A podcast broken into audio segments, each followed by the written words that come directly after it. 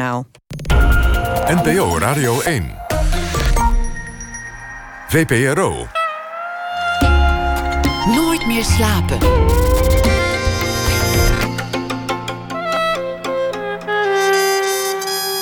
Met Pieter van der Wielen. Goedenacht en welkom bij Nooit meer slapen. Na één uur een gesprek met Pieter Jouke, cabaretier. Zijn show Dingen die ik dacht gaat volgende week in première. Een gesprek ook met fotograaf Judith Kwaks over haar project Soil in My Pocket. Dat gaat over migratie, maar we beginnen komend uur met Dick Verdult. Er is een film over zijn leven gemaakt. Een film over het leven van Dick Verdult. Het is een wonder dat nooit iemand eerder op dat idee is gekomen. De film Het is waar, maar niet hier, gaat komend weekend in première in Eindhoven tijdens het Docfeed Festival.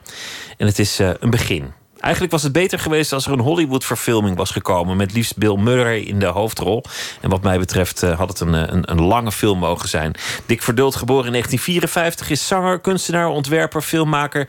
En zo nog wat dingen. Hij houdt er niet van om in een uh, hokje gestopt te worden. Wie wel trouwens. Zijn vader werkte bij Philips. En omdat ook Zuid-Amerika aan de kleuren tv moest, verhuisde het gezin naar Guatemala. Verduld groeide gedeeltelijk daarop, gedeeltelijk ook in Argentinië, voor een ander deel in Parijs. En woonde ook nog een poosje in Johannesburg in Zuid-Afrika. Ergens zich helemaal vestigen, dat, dat zou er nooit van komen. Hij is nu net terug uit Colombia, maar woont gedeeltelijk in Spanje en is ook heel veel in Argentinië. Zijn loopbaan begon daarentegen in Frankrijk. In Zuid-Amerika, maar ook in Japan en Rusland is hij doorgebroken. Daar is hij een uh, beroemdheid op zijn eigen schaal vanwege zijn muziek. Het door hemzelf bedachte genre cumbias, lunatics, dansmuziek met absurde teksten. Ook is hij eh, bekend vanwege zijn kunst, installaties en sculpturen. Er waren onder meer tentoonstellingen in het Van Abbe Museum en in Musée d'Art Moderne in uh, Parijs. Zijn doel is naar eigen zeggen niet om verwarring te zaaien, maar meer om de verwarring die er toch wel is te omarmen. Dick Verduld, hartelijk welkom. Dank u wel. Ja, je, je kwam terecht daar in, in Guatemala mm -hmm. uh, in de jaren 50. Ja. Als, als een klein blank jongetje. In ja. de tijd dat, dat, dat globalisering nog niet bestond. En je, moet daar toch een soort attractie zijn geweest. Voor de lokale bevolking. Ja, dat was het geval. Wij waren, uh, mijn moeder die had eigenlijk misschien één dag ooit de zee gezien. Zo radicaal was die overstap van Nederland. Van Eindhoven naar Guatemala. Dat ging allemaal met van die Dakota-vliegtuigenachtig, weet je wel, met. Dus je vliegt eerst naar New York en dan land je weer Mexico City, want anders kon hij dat niet doen en zo. En zo kwamen we daar terecht, een volkomen cultuurshock. Nog niet voor mij, want daar was ik te klein voor in het begin, maar voor mijn ouders. Maar ja, ik, ben, ik heb me een hele goede herinnering daarvan. Van anderhalf uh, was ik toen, toen we daar aankwamen. En mijn vader had net een filmcamera gekocht. Maar zo'n spring wound, weet je wel... die dus eigenlijk maar 6, 6 tot 8 seconden kan filmen. Dus mijn hele jeugdjaren daar... heb ik allemaal in snippets van uh, korte film. En dan moet je zien dat dat een soort LSD-trip is. Omdat je gewoon allemaal hele kleine korte stukjes Flitsjes, ziet. zie je zo. Ja, en uh, ja, goed, ik was inderdaad wel een rare verschijning. Wit, witte haren. Een lekker dikkertje zo. Wat deden mensen als je zagen? Wilden ze aan je zitten? Ja, dat was het wel, wel het geval, ja. Even dus aan we, je? Ja, wij waren dus... Um, mijn ouders waren niet van het type die dus eigenlijk meteen andere Hollanders zo graag opzochten. Dus die gingen gewoon de binnenlanden in. Mijn vader had toen zo'n busje van Philips.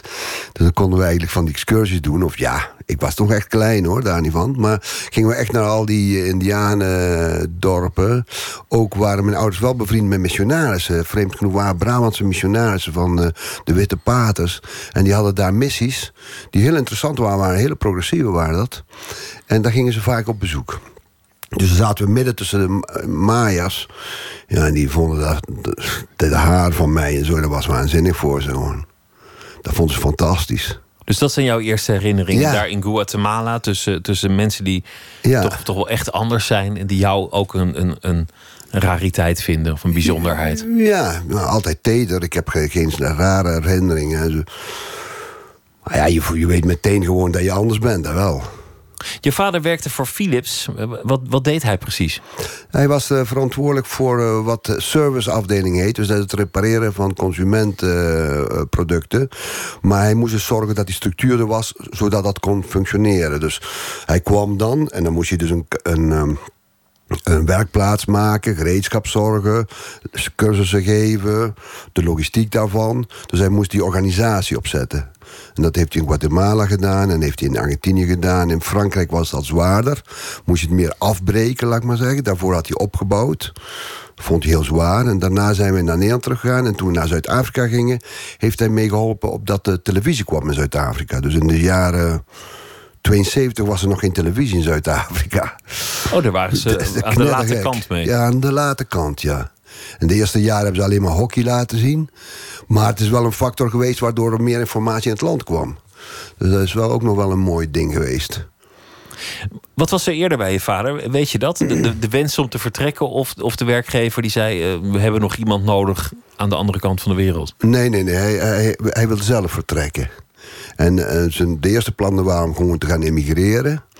Maar toen kregen ze er lucht van bij Philips. En die konden ook mensen gebruiken die graag wilden reizen. En die boden me aan om gechaperoneerd door hun te doen. En dat kwam goed uit, want ja, zo'n bedrijf heeft ons heel goed begeleid. Zo in die eerste. Toen vonden ze, vonden ze dat nog een hele verantwoordelijkheid, zeg maar. Hè? Dit waren ook de gloriejaren van het bedrijf Philips. Er zijn mhm. meerdere glorieperiodes in die geschiedenis van het bedrijf geweest. Maar dit was de periode waarin de creativiteit nog, nog zeer hoog in het vaandel stond. Ja, zeker. Ja, in Nederland was dat vooral te merken. Daar heb ik natuurlijk niet meegemaakt. Maar in, in, in Nederland, in Eindhoven, had je het Nat Lab en zo waar gewoon wel degelijk uh, ze door hadden. Dat ze gewoon invloeden vanuit de kunsten moesten binnenkrijgen. Dat was ook Joris Evans heeft er gewerkt. Hans Richter heeft er gewerkt. George Pal is een hele goede animatiefilmer. En later met het Nat Lab is dat ook nog in de beeldende kunsten terechtgekomen. Dick Raaimakers heeft er ook gewerkt. Dus... Um, in Eindhoven is daarmee een traditie van uh, toch wel een uitwisseling met wat zware types uh, in de kunst geweest. In het buitenland was daar niks van te merken. Daar, daar was het gewoon werken en dan moest je de klantenafdeling opzetten... of, of zorgen dat de tv kwam in, in het land waar je zat. Ja, dat was primitief nog terrein, uh, terrein winnen, weet je wel. Concurrenten, weet je wel. Dan had je Radiola en General Electric en weet ik wat voor allemaal voor bedrijven. Ik heb dat natuurlijk niet bewust meegemaakt. Ik was nog echt een, een, een klein kind. Maar uh, dat was een pure ja, handelsconcentratie gewoon. Met wat voor waarden hebben je ouders je grootgebracht? Wat, was het voor gezin en, en wel, wat hebben ze je meegegeven? Nou, zoveel hebben ze mij niet meegegeven, omdat gewoon een gezin wat rondreist. Uh, een van de manieren waarop je dan kunt functioneren. Als je al, allemaal als het ware de rug naar elkaar hebt. Dus uh, alsof alles een vijand zou kunnen zijn. Of tenminste dat je, dat je alles op moet letten. Dus we hebben eigenlijk veel meer, ieder op zijn eigen manier, naar het buiten toe gekeken dan naar de, uh, de gezinsfactor als uh, de, grote eenheid. Er was geen tijd om op elkaar te letten? Daar was geen tijd voor, nee. En, en daarbij was de, het, het, het buiten was veel aantrekkelijker. Ik bedoel, als ik moet kiezen tussen hagelslag aan één kant... en aan de andere kant een processie of zo... dan weet ik wel waar ik naar kijk, zeg maar.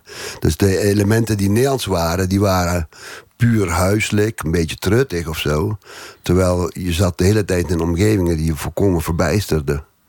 Jullie gingen alle kanten op. Je, hebt een tijdje in Parijs op school gezeten. Je hebt een tijd in Argentinië gezeten als kind. In, in Guatemala, wat ik al mhm. noemde. En toen kwamen jullie terecht in Zuid-Afrika. Toen was je al iets ouder. Ja, toen was ik 18. Dus, dus zeer bewust van je omgeving en, en je plek in de samenleving aan het vinden. En dan kom je daar in, in echt de, de, de, zwartste tijden van de apartheid. Ja, wel een heavy tijd. Er was zo, uh, mijn vader had een probleem. Uh, die had dus eigenlijk om, in Frankrijk had hij niet echt dat gedaan wat Philips van hem wilde. Want die wilde eigenlijk dat, ze, dat hij afdelingen dichtkneep. Dat kon hij niet zo goed. Dus toen hebben ze hem naar Nederland toe gehaald. En toen kreeg hij nog één kans, laat ik maar zeggen om naar het buitenland te gaan. Dat was dan wel dit hele ellendige land. Maar de functie was wel interessant, want het, het ging over televisie brengen. Dus dat was, dat was het verkoopargument waardoor je dat nog wel kon doen. En ik was de oudste zoon. En ik zei, nou, uh, ga dan maar vast een paar weken naartoe... en kom dan terug of het uh, te doen is. Maar ja, hij had zich laten begoochelen daar in, in Zuid-Afrika. Want ja, je komt daar binnen alsof je een popster bent. Ook een Philipsman komt zo binnen. En iedereen legt ze van alles uit. En hij, hij, wist het eigenlijk nog niet. Toen wij daar aankwamen, een half jaar later... toen wisten we bij de derde dag al dat het niks was. Om daar te zijn? Ja, een verschrikking. Op alle fronten. En dat had hij meteen ook door. Hij zei, wij, wij zijn er met de boot naartoe gegaan. En hij was al eerder met de vliegtuig daar. Dan kwam hij ons halen in Kaapstad. En we stapten nog niet in de auto om door het land heen te rijden. En we zagen het al. Dus het was echt een verschrikkelijke stemming. En... ehm, Wat zagen jullie dan? Wat, wat, wat viel je op? nou, bijvoorbeeld eh, een heel sterk beeld is gewoon dat we. dat is een mooi verhaal. Want we reden gewoon van, van Kaapstad naar Johannesburg. Dat, dat zou het de reis zijn waardoor hij ons zou charmeren. Dat toch een goede beslissing was. Ik, ik had ook eh, mijn vrouw, waar ik nog steeds mee getrouwd ben. Die was toen ook op, de, op die bootreis. Daar hadden we zo geregeld dat we een romantische reis hadden, als het ware. En die was halverwege die autorit ook met ons meegegaan. Wij hadden al lang door, want wij waren ervaren reizigers, als kinderen ook, dat het eigenlijk al stonk. Maar je, ja, de eenheid van dat gezin, dat moest eigenlijk een beetje nog bestendigen, zeg maar. De, je moet even kijken, waar zitten we eigenlijk? Mijn vrouw, die dus net zo oud was op dat moment als ik, 18 jaar, die, die had niet die ervaring. En die zei, eh, die, die, die legde al overal eh, kritische aanmerkingen aan, weet je wel. Die kon zich dat permitteren. Die ging over twee maanden weer terug naar Nederland. Maar wij moesten daar misschien wel twee jaar zitten en hopen dat het goed zat. Dus dat was een andere situatie. En ineens komt er voor ons zo'n vrachtwagen, die schiet voor ons. eh, in, in de kou. eh, een, een- met zo'n laadbak, zo'n zware laadbakwagen. En er waren allemaal zwarte, die, die hadden hun hoofd nog net eruit zo. Met zo'n wollen guerilla bivakmus allemaal. Allemaal van de kou. En die hadden, die hadden ze gewoon in zo'n vrachtwagen ingelaaien zo. En daar moesten wij achterrijden. En die keken allemaal naar ons zo. En er was een ijzige stilte uit de auto. Maar mijn vrouw die zei... Goh, wat erg toch voor die mensen. wat een waanzinnige sfeer was dat. Want wij moesten nog... Ja, wij dachten... Oef, wanneer gaan wij zeggen... waar zijn we terechtgekomen?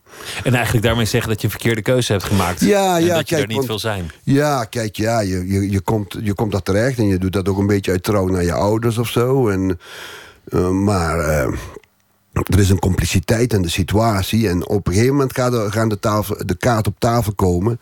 Dit was een zware, slechte beslissing. Maar die stel je nog even uit.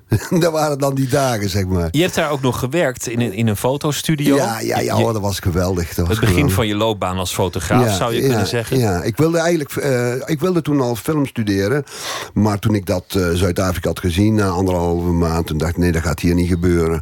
Toen moest ik wel mijn geld eh, verdienen om terug te kunnen naar Europa. Ik wilde ook zo snel mogelijk terug.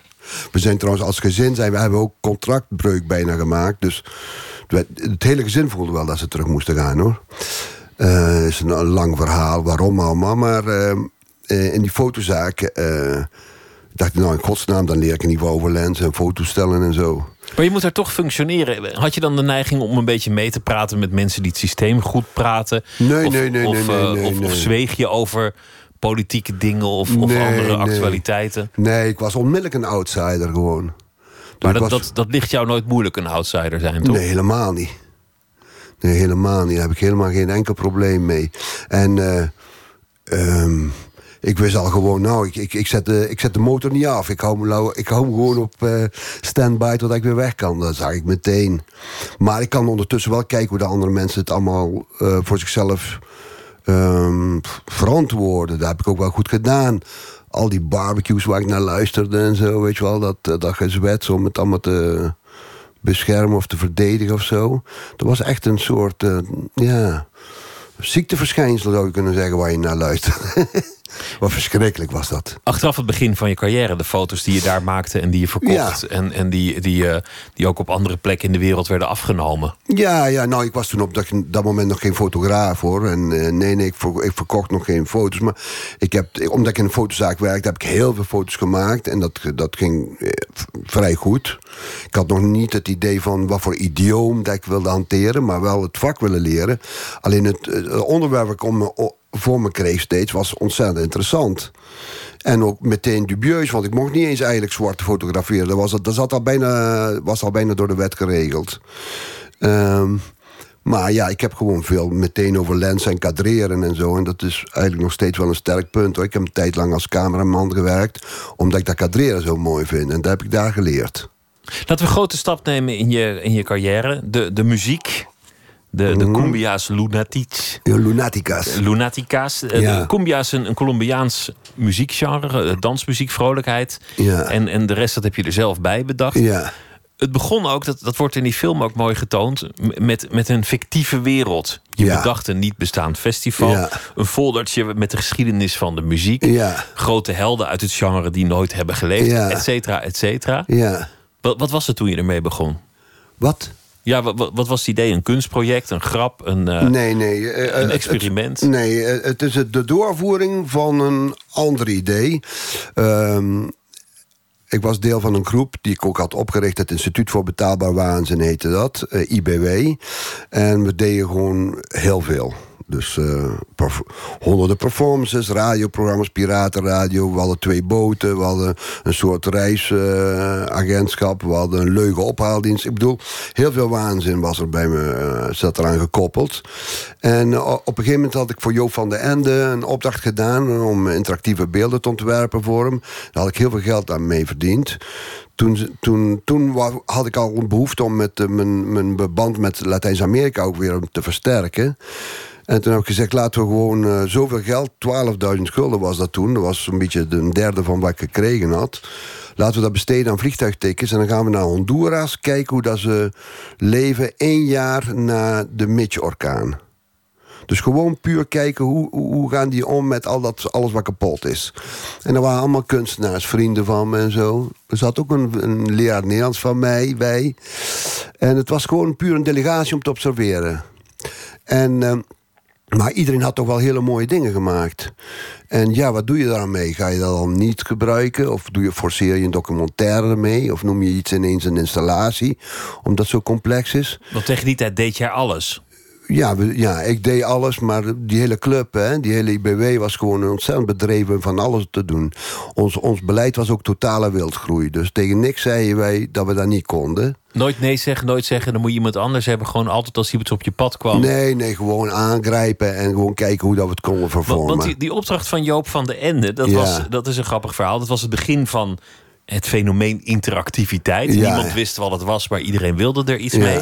Hij kwam bij jou, jij zei geen nee. Ja. Het werd een duurbetaalde opdracht, maar Ja. het is uiteindelijk nooit gebruikt. Nee, nee, nee. Maar nooit dat iets- ligt niet aan mij, hè? Dat ligt niet aan mij.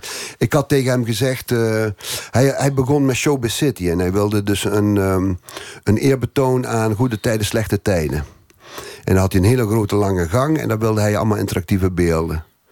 En daar heb ik toen een bespreking voor gehad. Ik heb gezegd, nou, dat kan ik. Hij had gehoord dat ik dat wel zou kunnen van meerdere mensen.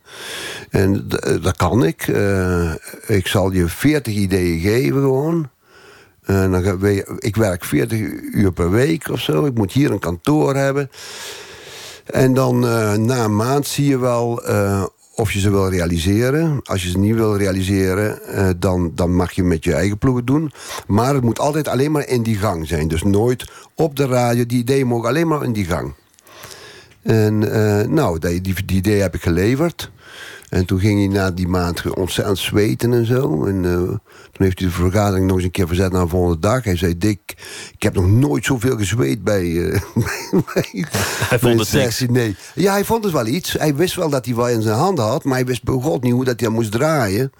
En toen de tweede sessie had hij dan twee van die... eh, van zijn...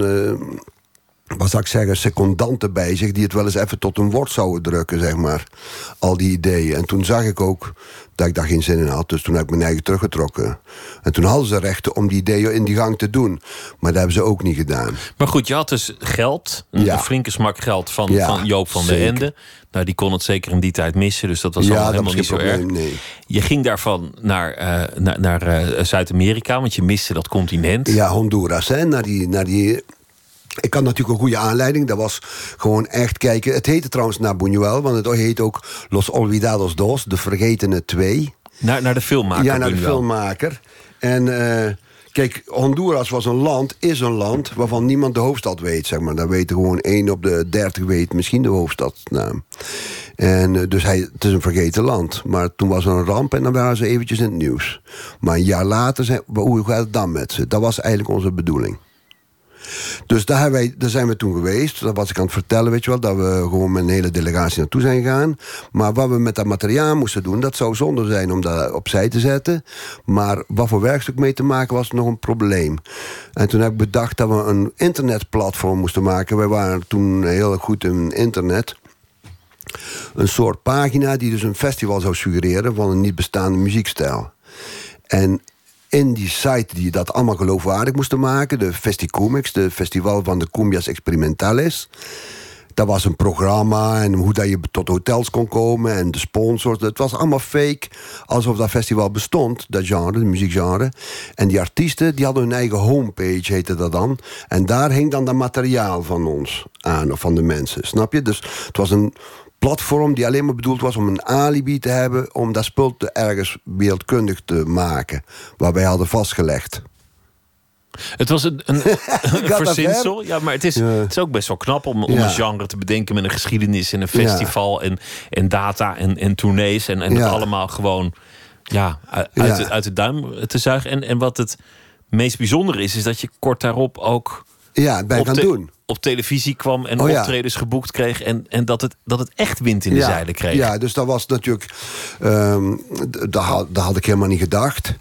En, uh, maar trouw, trouw aan die totale wildgroei. Uh, betekende ook dat je gewoon tegen niks nee zei. En ineens was ik, voordat ik het door had, een soort popzanger geworden. Je had een paar liedjes ingespeeld, om, omdat je dat wil doen om, om, om het verzinsel af te maken. Ja, ja, ja. En dan belt de televisie en de radio en, en een impresario voor een tournee. En dan... ja, ja, het is allemaal, het is bijna zoals je het zegt, maar het is niet zo gegaan. Ik heb eerst een. Ik wilde dat eh, doen, dat festival even werkelijkheid maken. Ik heb een boek geschreven en die heette De trage maar onafwendbare teloorgang van de maanzieke cumbias. Dus met die titel bestond al eigenlijk dat, dat genre. En, en, want lunaticas betekent maanziek. En uh, dat boekje was natuurlijk interviews met allemaal artiesten die niet bestonden. En, uh, maar er zat ook een cd in van die artiesten. en die nummers had ik allemaal zelf gemaakt. En dan had ik een briefje geschreven met de hand... William zegt dat het iets voor jou zou kunnen zijn. En die heb ik anoniem naar mensen gestuurd in Latijns-Amerika. Maar een handgeschreven brief, dat, dat trekt toch aandacht. Dan denkt iemand... Ja, wie oh. zal die William zijn, weet je wel. Maar dan, dan zijn ze al wel... Eh, ja, dan willen ze hem wel gaan lezen eigenlijk. Want iedereen is ijdel dat hij denkt... oh, ja, dat is een William die aan mij denkt. En toen was binnen, binnen, binnen een paar maanden of zo... had de Nationale Radio in Argentinië... had daar uh, twee, twee uur radio aan besteed. En ik weet niet of dat er al gezegd is... maar ik heb wel in Argentinië gewoond. Dus voor mij was dat heel ontroerend. Om, om, daar, om daar door te breken. Ja. Dick El Demasiado is je artiestennaam. Ja. Dick de Overvloedige of, of de, de, de boventallige zou je ook kunnen zeggen, denk ik. Maar mateloze vind ik misschien nog de mooiste. Mateloze. We gaan luisteren naar een, een fragment van uh, een van je stukken. Volgens mij van uh, Higo de Fruta. Ah ja.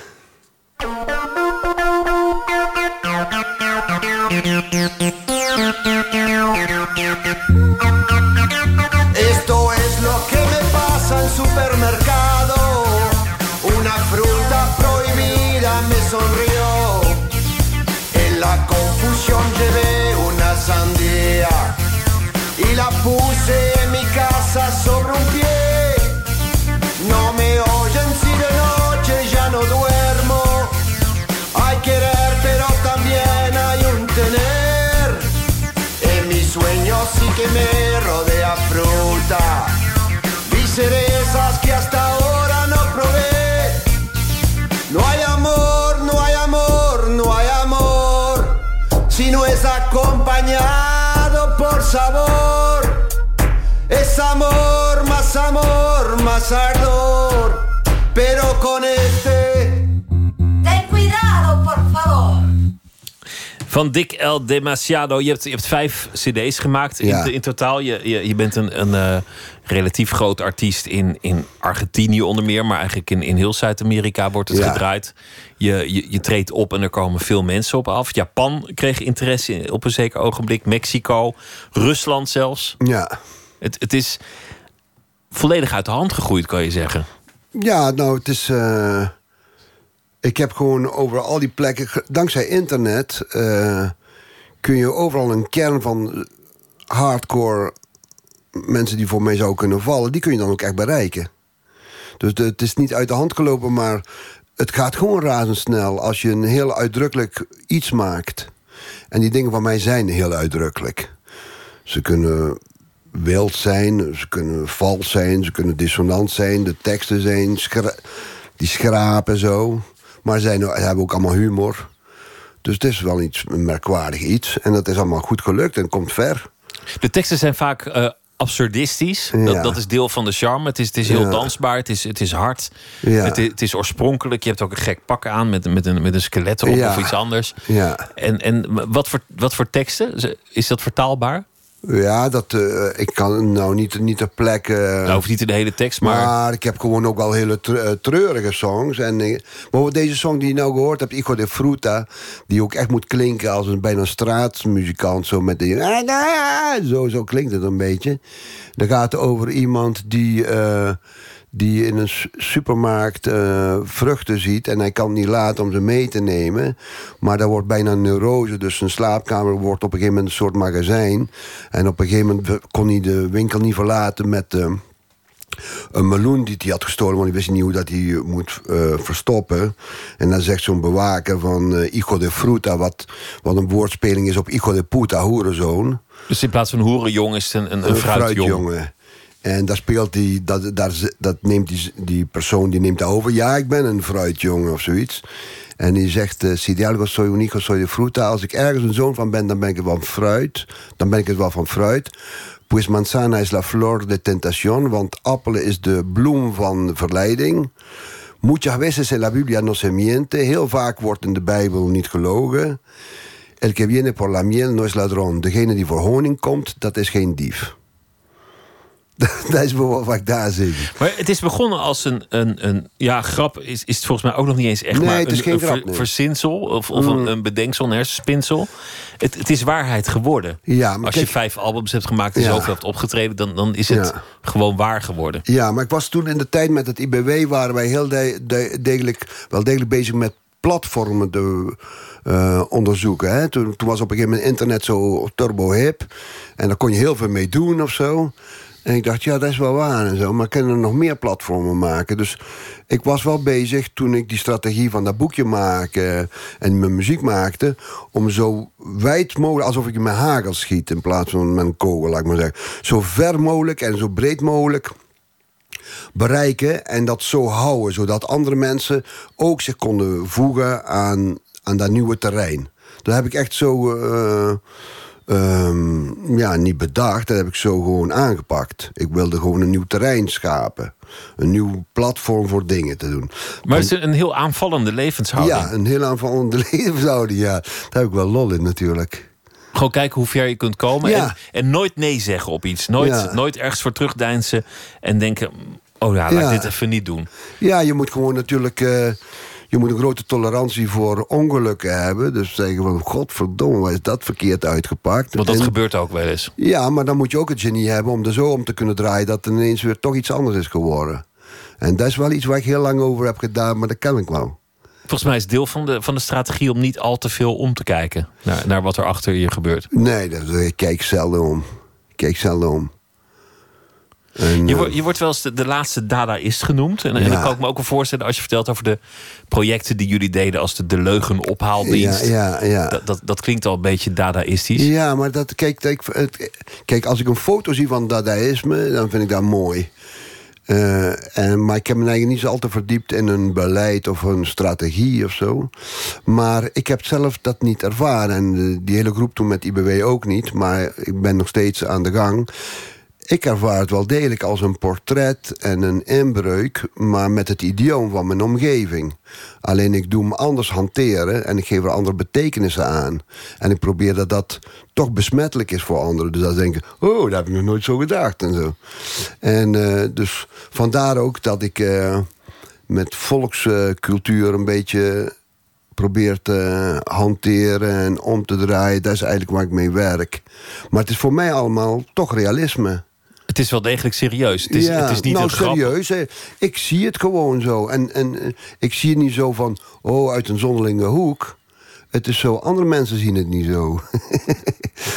Verwarring speelt altijd een rol in jouw werk, ook, ook in, in wat je in musea doet. Dat, dat is misschien ook wel een deel van, van alle kunst. Dat je iets ziet en probeert het anders te zien, of iets, Mhm. Ja. iets probeert om te draaien. Mhm. Maar, maar het is volgens mij ook niet zo dat je, dat je moedwillig rookgordijnen aan het optrekken bent. Nou, als ik een rookgordijn optrek, dan is het om dadelijk daarna weer uit een andere hoek een veel rakere klap te kunnen geven.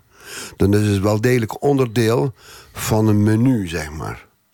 Dit helder, dit helder, nou vaag, om nou bad. Dat kan ik wel doen. Maar ik zit niet te koketteren met eh, eh, leuk onduidelijk zijn. Of eh, met, oh jongen, we- we snappen niks van jou. Dat interesseert me niet, nee. Wat zit eronder? Zit er een diepere filosofie onder? Nou, diepere filosofie. ehm, ik denk wel dat ik een filosofische houding heb die co- coherent is, omdat die juist zo inconsistent is. Maar ehm, ik probeer gewoon over te brengen wat ik waarneem en wat ik de moeite waard vind om door te geven. En ik, heb, ik reageer wel degelijk op heel veel situaties. Maar het is niet zo dat ik eh, een spreuk heb eh, waar ik me aan hou. Gelukkig niet. Ik hou me aan heel weinig. Dat, dat zal ook wel iets te maken hebben met, met dat je in zoveel landen bent opgegroeid. Dat, dat, Zeker. Dat, er, dat er ook heel weinig is waar je je aan vast kunt klampen. Dan, dan, dan moet je gewoon flexibel zijn. Omdat je steeds moet aanpassen aan een totaal andere cultuur en werkelijkheid. Ja, je, de één ding is aanpassen en een ander ding is een beetje inschatten waar jij aan, eh, in kunt brengen. Dus heel veel werk is om te kijken, oh, hoe doen die mensen het? Maar er is ook een werk, wat een inner, ja, innerlijk werk, dat is gewoon een studie naar jezelf toe. Wat is nou de moe- moeite waard voor mij, voor hen? En dat duurt nogal een tijd voordat je dat door hebt. Waar zitten zij op te wachten? Wat, wat heb jij te bieden? Nou, wat ik te bieden heb, dat is heel eenvoudig. Iemand van buiten ziet veel helderder wat er fout is in je eigen situatie. Weet je wel, mensen onder elkaar, als je dus gewoon een gezin hebt in huis... die zien die vochtplek niet meer in de woonkamer. Maar de buitenstaander is juist degene die het niet mag zeggen. Dat is de paradox. Nou, maar dat, dat, dat doe ik dus wel. Wel heb ik, dus, dat- ik heb dus een tijd lang gedacht... dat was mij zelfs eh, toen als kind ingegeven... van je moet maar een beetje bescheiden zijn hier... want ja, je zit toch in een ander land... En dat heeft dan natuurlijk wel een lange tijd geduurd. Maar met deze muziek met name, omdat die zo ook redelijk lomp is... heb ik geleerd hoe dankbaar dat ze dat aanhoren. Dus je bent een ijsbreker in een gestolde situatie. En eh, dat, ja, dat vind ik wel fantastisch om dat te kunnen zijn. En dat, dat, zo voel ik het ook, dat men dat... Ja, ze zeggen niet altijd dik, dankjewel weer of zo. Dat niet, maar wat ik doe... eh, ververst hun. Is het goed voor je? Het Is, is krankzinnig, maar het is Ja, nou ja. weer in Bar- Barranquilla is weer duidelijk gebleken in Colombia. Is, is het voor jou heel, heel prettig als je niet te plaatsen bent? Is, is, zie je dat als een voordeel? Nou, Dat, dat je niet echt een zanger bent, niet, niet Weet je, zomaar een kunstenaar bent, dat je niet een ontwerper nee. bent, et cetera. Het probleem is niet dat ze je willen plaatsen. Het probleem is dat als je eenmaal dat ze jou geplaatst hebben... dan willen ze dat je de tweede keer ook daar staat. En dan zit jij gevangen. En ja, en daar heb ik echt helemaal geen zin in. En, dat is dus, zeg maar, eh, eh, en daar heeft Nederland heel veel last van.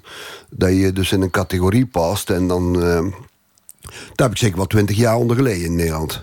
Dat gewoon, ja, maar wat doe je eigenlijk? Of, nee, nee, nee, nee, nee, of zo. En je zou toch filmen of zoiets. En ik begreep maar niet waarom daar, daar zo'n weinig tolerantie was... Voor, dat, voor die soepelheid waarmee ik me in die terreinen bewoog. Maar is Maar het in Argentinië beter? Kan ik me ja, niet ja, voorstellen. ja, nou ja, kijk, de, de, de Latijnse cultuur, de Middellandse zeecultuur, maar Latijns-Amerika en zo, hebben een grotere tolerantie tot de grill. Eh, voor mij, als, als een president ook nog een, piloot wil zijn, dan mag hij rustig met zijn vliegtuigje over naartoe vliegen en een idioot zijn ermee met een petje op en zo. Maar zei, ah ja, dat wordt gewoon getolereerd. Dat is niet deel van een spotprint of zoiets.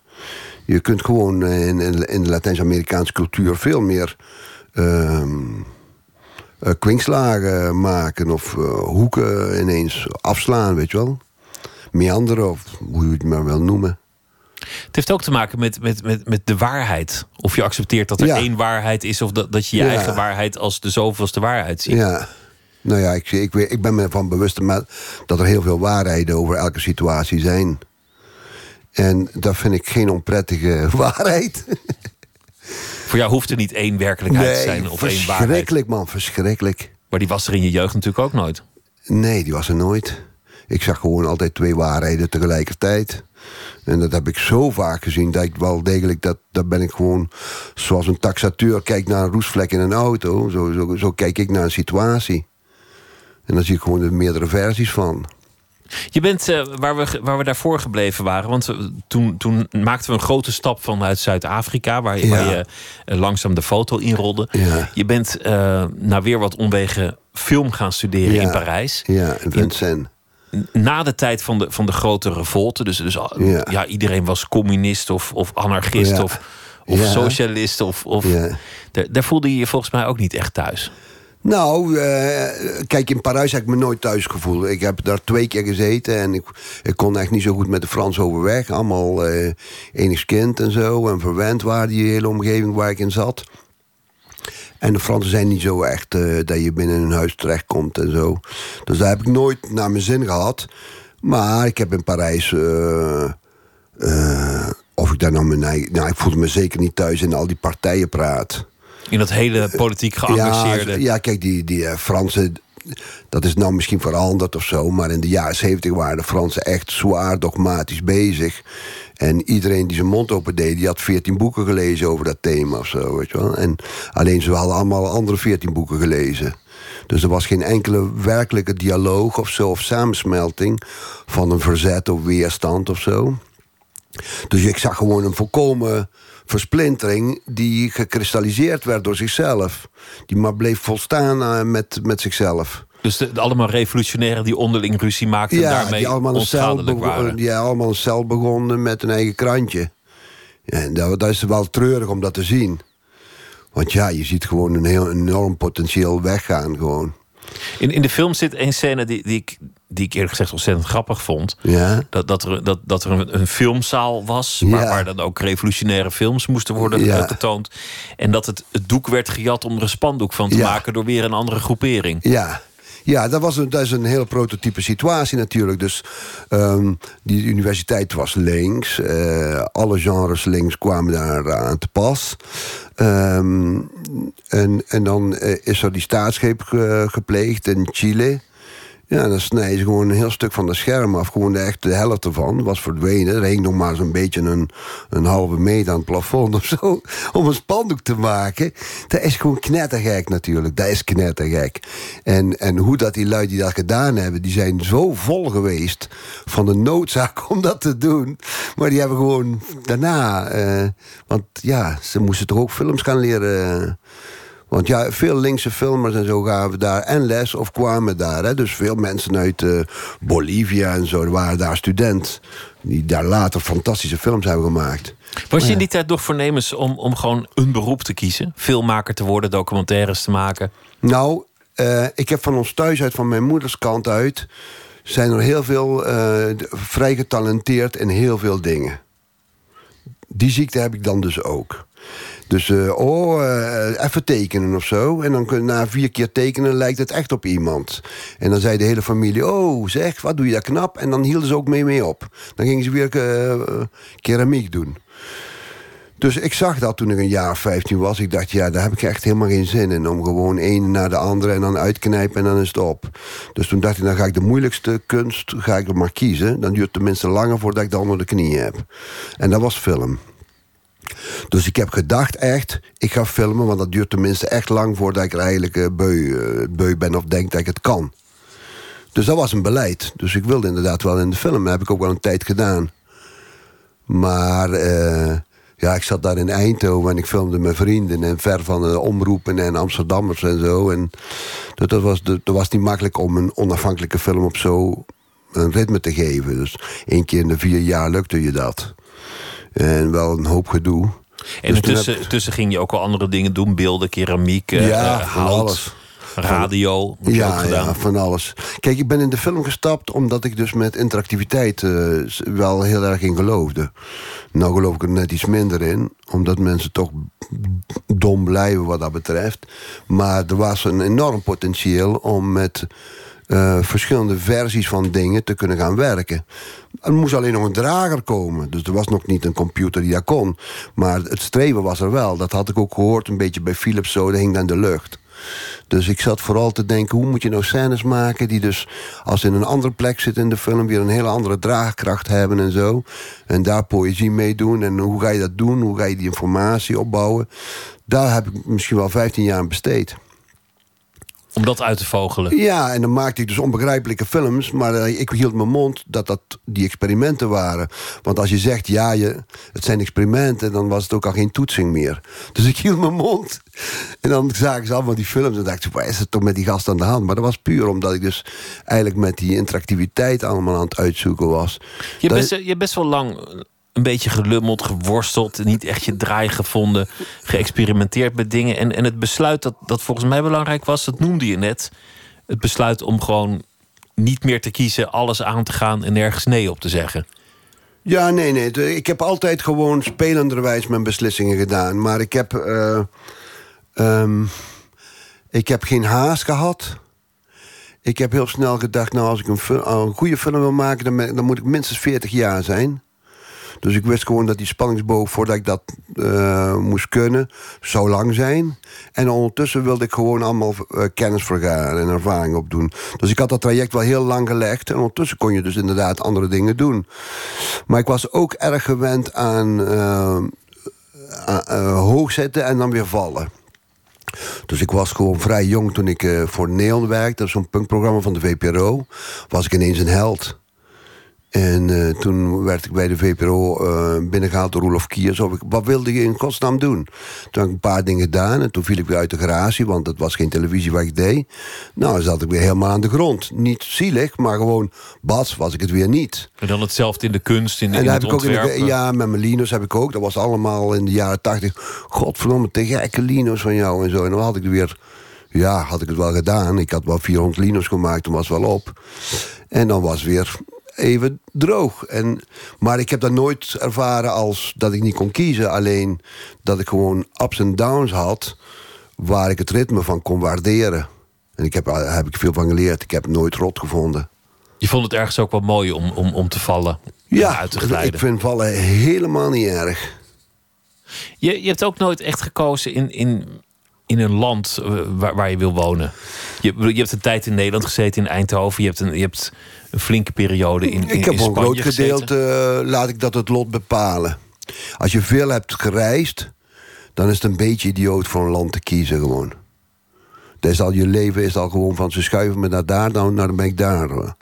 En ik, eh, daar slaagde ik ook altijd in om het redelijk naar mijn zin te hebben. Sommige landen meer dan de andere. Nou zitten we heel veel in Spanje.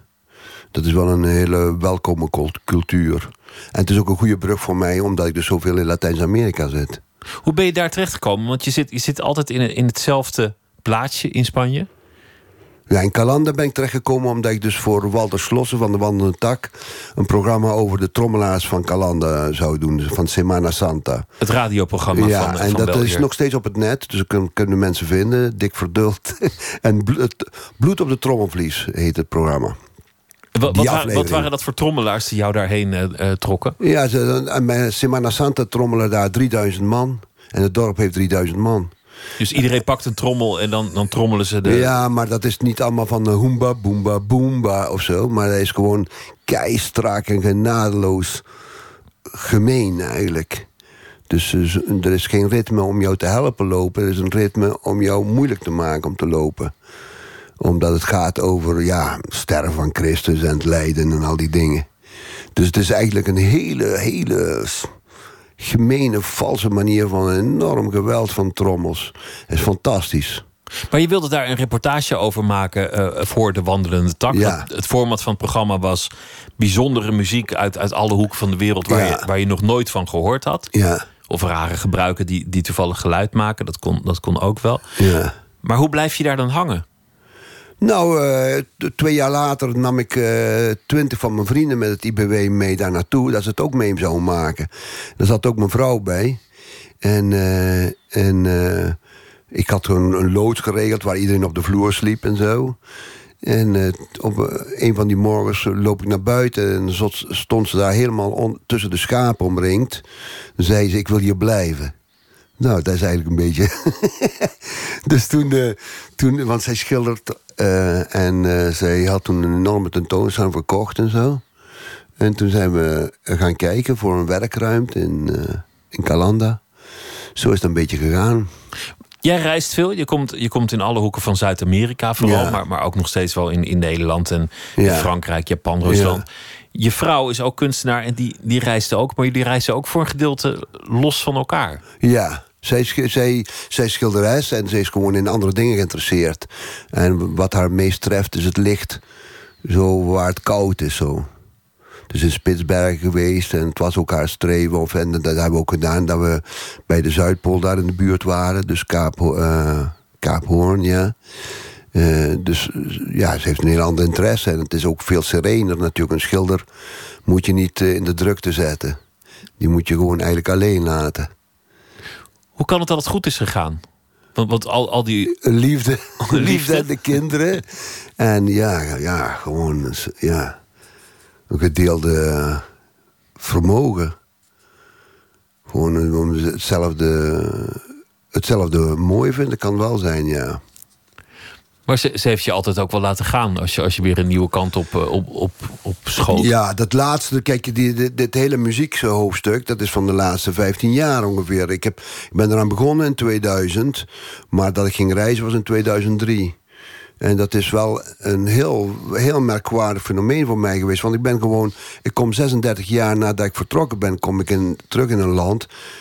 In plaats van als een nostalgische huiler, kom ik daar als een popzanger ineens aan. Weet je wel? Dat is een krankzinnige situatie.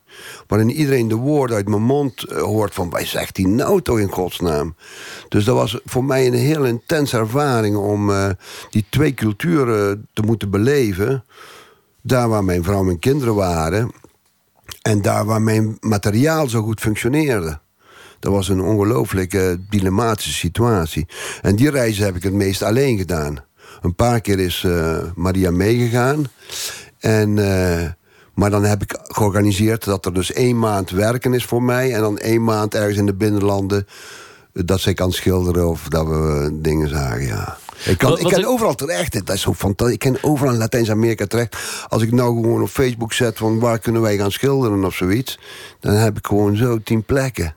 Dat is ik- fantastisch. Wat ik zo mooi vond in de film is, is dat op, op een zeker ogenblik een, een groepje fans. Die, die, die, die komen Ja. op jouw pad, die willen met je op de foto, die willen een handtekening, Ja. die, die beginnen je liederen te scanderen. Dan ben je ineens een soort, soort held. Ja. En, en toen zag ik hoe onverstoorbaar je bent. Dat als iedereen je mislukking beschouwt, wat, wat ooit gebeurd is, of dat iedereen je ineens tot, tot popster heeft gebombardeerd, Ja. het, het laat jou eigenlijk koud. Ja. Je blijft precies dezelfde en je, en je lacht er een beetje om. Ja, wat fantastisch dat jij zegt, want het, het, het is een goede illustratie van het is waar, maar niet hier. Dus je, ben, je weet gewoon dat, eh, oké, dus die gasten vinden mij nou een held of zo. En ondertussen zit ik gewoon met, beoordeel ik mijn werk waar ik ook in Spanje aan het maken ben of zo. Ik heb geen norm van de plaatselijke op mezelf. Het is een paar uur vliegen en je bent geen popster. Ja, en dat gold voor mij voor Nederland ook. Weet je, wel, dus eh, oh ja, nou, eh, nou denk ik ook niet dat er veel mensen mij een mislukking hebben gevonden in Nederland hoor. Maar eh, nou, nu niet meer, maar het is, het is- er is wel een periode Ja. geweest. Nou ja, mislukking is misschien een hard wo- woord, maar ze konden je niet plaatsen. En, en Nee, eh, dat ze is- wisten, dat- wisten niet wat ze ermee aan moesten. ja, dat vinden ze de Nederlanders heel erg rot. En ik heb ook wel een paar keer, dan kom ik in Amsterdam aanzetten. En wat doet Dick nou tegenwoordig of zo? Weet je wel? Dan, alsof van, want we horen niks meer van jou. Alsof, dan, alsof dat de maatstaf is dat, er, dat ik er niet mee bezig ben. Dus er zijn hele kleine circuits die je beoordelen. Maar daar heb ik me nooit iets van aangetrokken. Helemaal niks. Nou, volgens mij moet je dat ook niet doen. Nee, dat moet je helemaal niet doen. Dat moet je helemaal niet doen. Het, ja, het is gewoon een proces waar je toch wel van los moet komen. En sommige mensen kost dat veel. Maar omdat ik zoveel werelden tegelijkertijd altijd heb beleefd... kost mij dat eigenlijk niet zoveel. Maar er zit ook in dat je dan jezelf niet te serieus moet nemen. Dat, dat, je, dat je eigenlijk je ego ook ergens in je koffer stopt. Ik neem mijn werk wel serieus. Maar, eh, en ik, ik, ik vind ook wel dat het eh, daadkracht heeft en ook ver kan komen, mijn werk. Dat is ook wel echt wel gebeurd. Maar, eh, ja, ik, ik, ik, daarbij dan, dan ook nog eens een keer dat wat ik zeg is juist heel interessant voor anderen. Dus zeg maar dat een buitenstaander ineens een bek open trekt... en iets zegt waar ze nog nooit gehoord hebben over een omgeving. Dat is ook welkom. Dus ik, eh, ik heb niet zo dat ik mijn eigen niet serieus neem... of, uh, of uh, relativeren is bijvoorbeeld ook echt een Nederlands verschijnsel. Zeg maar, Latijns-Amerika relativeert zichzelf niet zo. Die gelooft er echt wel in. Je moet het ten volste doen, anders, anders ben je ja, ook weer ik doe het eigenlijk verloren. wel ten volste. Ja, ik doe helemaal niet relativeren. Maar ik calculeer in dat volledig ernaast kan zitten. En dat is dan wel relativeren, omdat je dus weet... oh god, dat gaat dadelijk misschien nog helemaal fout... en dan heb ik helemaal niks. En, uh, maar ik ga er wel... Ja, ik doe wel volkomen overgave. En hoe, hoe zie je, je, je bestaan voor je? Of, of is dat niet iets waar, waar je over nadenkt? Denk je niet in termen van... God, dit was mijn leven. Dit, dit, zo, zo, zag het er tot nu toe uit. Of ja. zo zal het eruit zien. Of, of ik, ik hoop dat mijn leven die vorm zal krijgen uiteindelijk. Ja, dat, uh, ik denk gewoon dat ik nou net pas weer begonnen ben. Dus ik heb eigenlijk zegt Maria ook in, in die film of zo. Ik begin altijd weer alsof, het op, alsof ik de eerste keer iets moet maken. Dus ik heb helemaal niet van uh, welke kant is het ingegaan. Of balans maken of zo. Het is heel merkwaardig dat ik nooit zanger wilde worden... en dat ik nou gewoon met een microfoon op mijn hand... in mijn hand gewoon voor publiek... en dan jonge lui allemaal... die allemaal krijsen en weet ik waarom. dat is gewoon fantastisch merkwaardig... en dat heb ik helemaal niet gewild. Nou ben ik weer aan het filmen. Ga ik dus weer van de lente ga ik weer filmen. Maar uh, ik laat er gewoon toe... En dan volgt het moment weer keramiek voor een tentoonstelling. Ja, of, uh, ja, ja, of ja. hout. Of, uh, ja. Ja. Dat, uh, ja. kijk, um, um, uh, je, kunt hele goede dingen maken door enorme deskundigheid. En je kunt hele goede dingen maken omdat je juist zo ondeskundig bent. En ik, ik werd voor die eerste, voor die tweede versie, die ondeskundigheid. Die geef ik eigenlijk heel veel belang. Dus uh, een, een verse aanpak of, of een ondogmatische methodiek. Ja. Zoals bijvoorbeeld in je, in je keramiekwerk de barbecue met het hoofd van Margaret Thatcher. Ja, fantastisch. Die in, die in ja. Argentinië natuurlijk nog steeds gehaat is. Ja, maar dat, dat is nou juist zo mooi aan die film van, van Luc. Hij heeft meerdere keren vast kunnen leggen hoe dat een werkstuk gewoon in mijn handen viel. Want ik, ik, was dus die, dat beeld van Margaret Thatcher aan het maken. Het moest een lelijke kop hebben. Nou, dat was gelukt. Want het slaat nergens op. Maar ja, ze heeft net een kapsel en een neus. En ik moest het holler maken, dat beeld, omdat het anders te zwaar zou zijn. Dus ik ben eerst met de kettingzaag ingegaan... om het zoveel mogelijk te kunnen hol maken. Maar ja, dieper kun je niet gaan. En dan moest ik er een vuur in maken. Maar het was ook etenstijd. Dus ik heb er gewoon een barbecue in gedaan.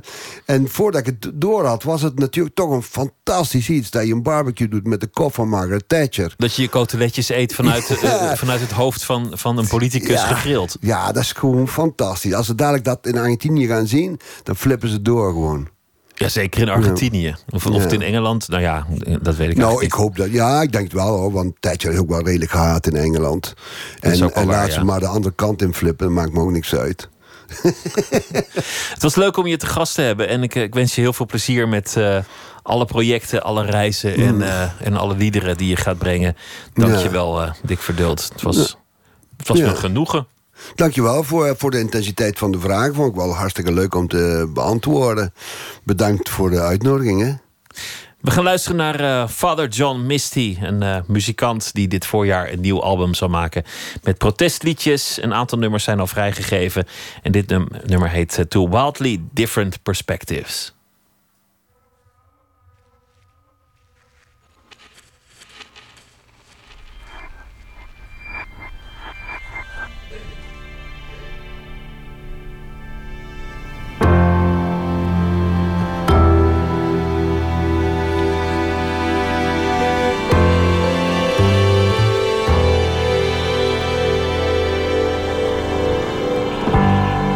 sunset says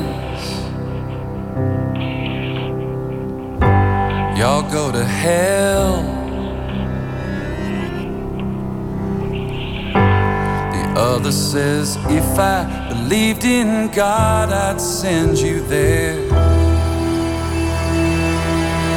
Either way we make some space. In the hell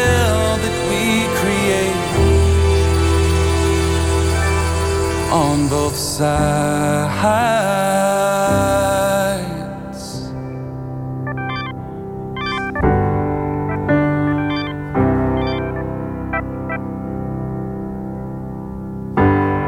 One side says,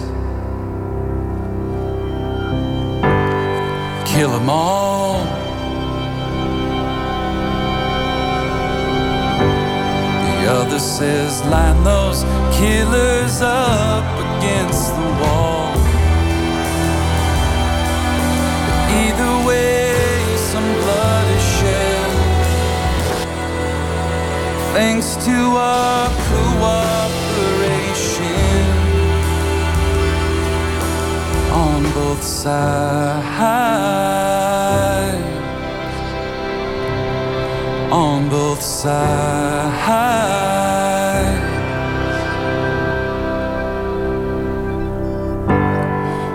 One side says, Man, take what's yours. The other says, Live on no more than you can afford. Either way, we just possess. Everyone ends up less. On both sides.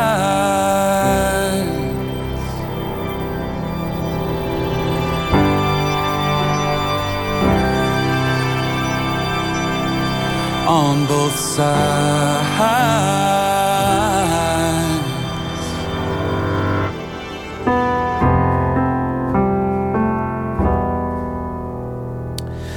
Van het eh, aanstaande album van Father John Misty, Two Wildly Different Perspectives. Zometeen gaan we verder met Nooit meer slapen. Gaan we het hebben over eh, Suske en Wiske vanwege een eh, veiling van originele tekeningen van Willy van der Steen. U krijgt een verhaal van Thomas Heerma van Vos. En we gaan het ook hebben over eh, fotografie. Judith Kwaks hoort u zometeen over haar nieuwe project. En dat heeft iets te maken met immigratie en eh, emigratie, migratie, kortom. Twitter, het VPRO NMS. En we zitten ook op Facebook. En u kunt zich abonneren op de podcast via iTunes of de website van de VPRO. vpro.nl slash nooit meer slapen.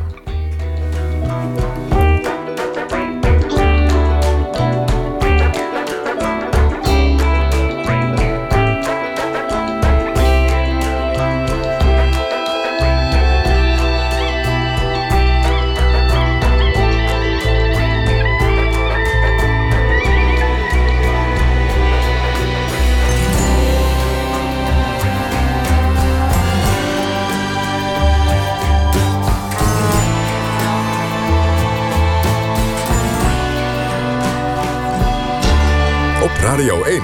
Het nieuws van alle kanten.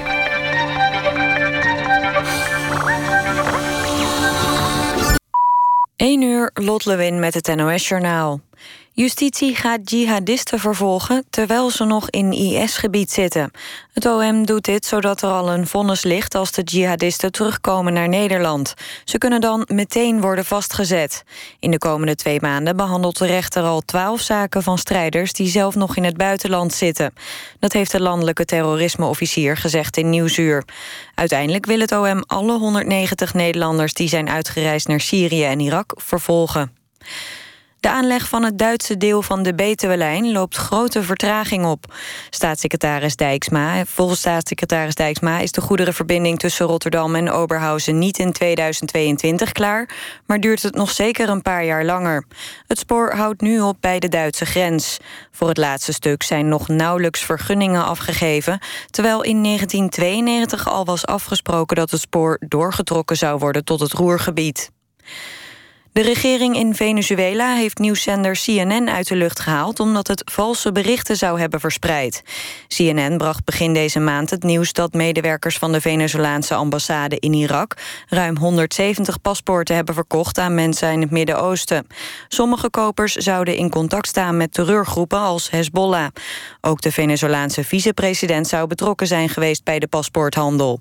De president heeft de uitzendingen van CNN nu verboden... en noemt de reportages een daad van directe agressie tegen het land. Op een varkensboerderij in de buurt van Mil in Noord-Brabant... zijn 2000 varkens omgekomen bij een brand.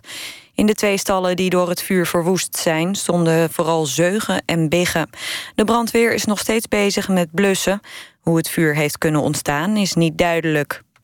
En dan het weer. Vannacht is het vrijwel overal droog. De temperatuur daalt naar een graad of 5. Overdag veel bewolking en in het westen en noordwesten wel kans op zon. Later op de dag in het zuidoosten wat regen. Het wordt 8 tot 11 graden. Dit was het NOS Journaal. NPO Radio 1. VPRO. Nooit meer slapen.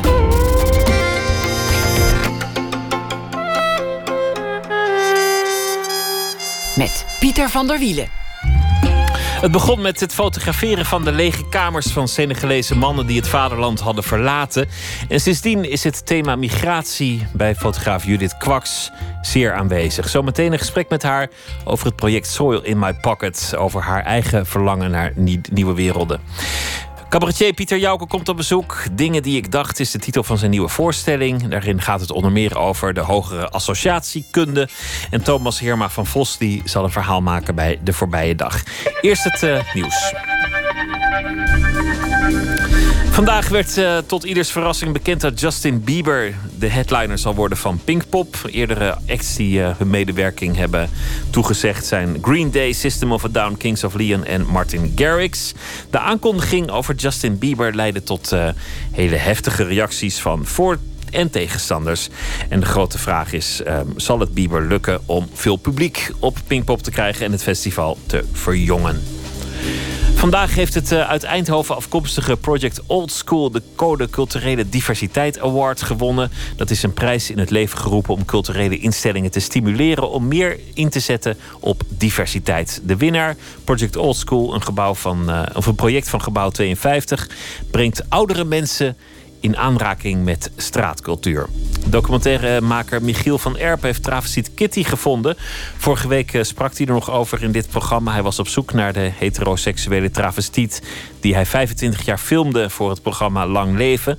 En inmiddels heeft hij hem gevonden.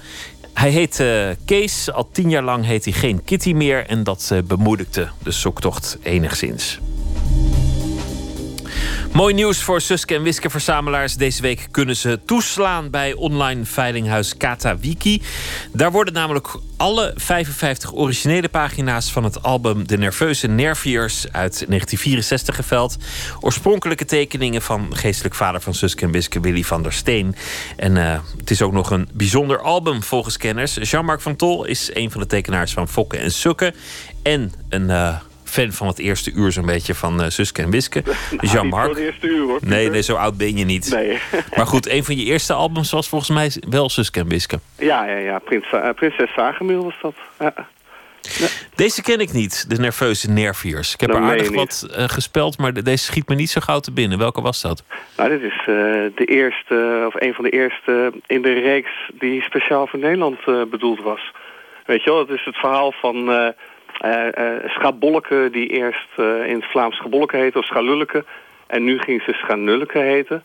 En Sidonie werd Sidonia. En dat is bij dit album. Dit album was in, ehm ja, wanneer was het precies? Eh, 64. 64 was de omschakeling voor een groter publiek. Dus standaarduitgeverij had besloten om Suske en Wiske ook voor een Nederlands publiek beschikbaar te maken. Dat is dit album. Een heel oorspronkelijk album in originele tekeningen kopen, dat, dat gebeurt bijna nooit. Van geen één stripheld. Nee, dat is ook bijna niet te betalen, toch? Ik Lijkt me bedoel, niet. als je het in één keer helemaal alle originele wil kopen... Ja, dan moet je toch echt wel eh, wat neerleggen. Want dit zijn dus originele tekeningen van Willy van der Steen. En ehm, ja, wat de meeste stripmakers doen... die eh, verpatsen hun tekeningen liefst nog, eh, weet je, strookje bij strookje... om er zoveel mogelijk geld aan te verdienen natuurlijk. Eh, weet je, je hebt de laatste jaren heb je dat van Hergé... eh, pagina's worden verkocht, maar nooit een heel album. Meestal wordt ook van Hergé, dus van tekenaar van Kuifje... ja, alleen maar één plaatje verkocht. Dat gaat dan voor 20.000 euro weg. Maar in dit geval hebben ze de 55 pagina's van de nerveuze nerviers hebben ze aangeboden Op Voor- Katowiki. Voor 100.000 euro is de verwachte opbrengst. Ja, in totaal hè. In totaal voor een heel album oorspronkelijke tekening. Als je dat vergelijkt met, met één zo'n plaatje van Hergé, valt het nog wel mee. Ja, dat is nog redelijk aan de prijs. Ja, het is een hoop geld voor, voor een stripboek, maar het, Nou. het, Ja, het, is, het is al heel veel. Kijk, Katowiki is eh, ooit ontstaan door een paar mensen uit de stripwereld. Dus een, eh, een, stripfans die hun eigen verzameling eh, in kaart wilden brengen. En daar is uiteindelijk is daar een, een veiling site uit voortgekomen. Die is heel erg populair. Op dit moment veilen ze van alles en nog wat.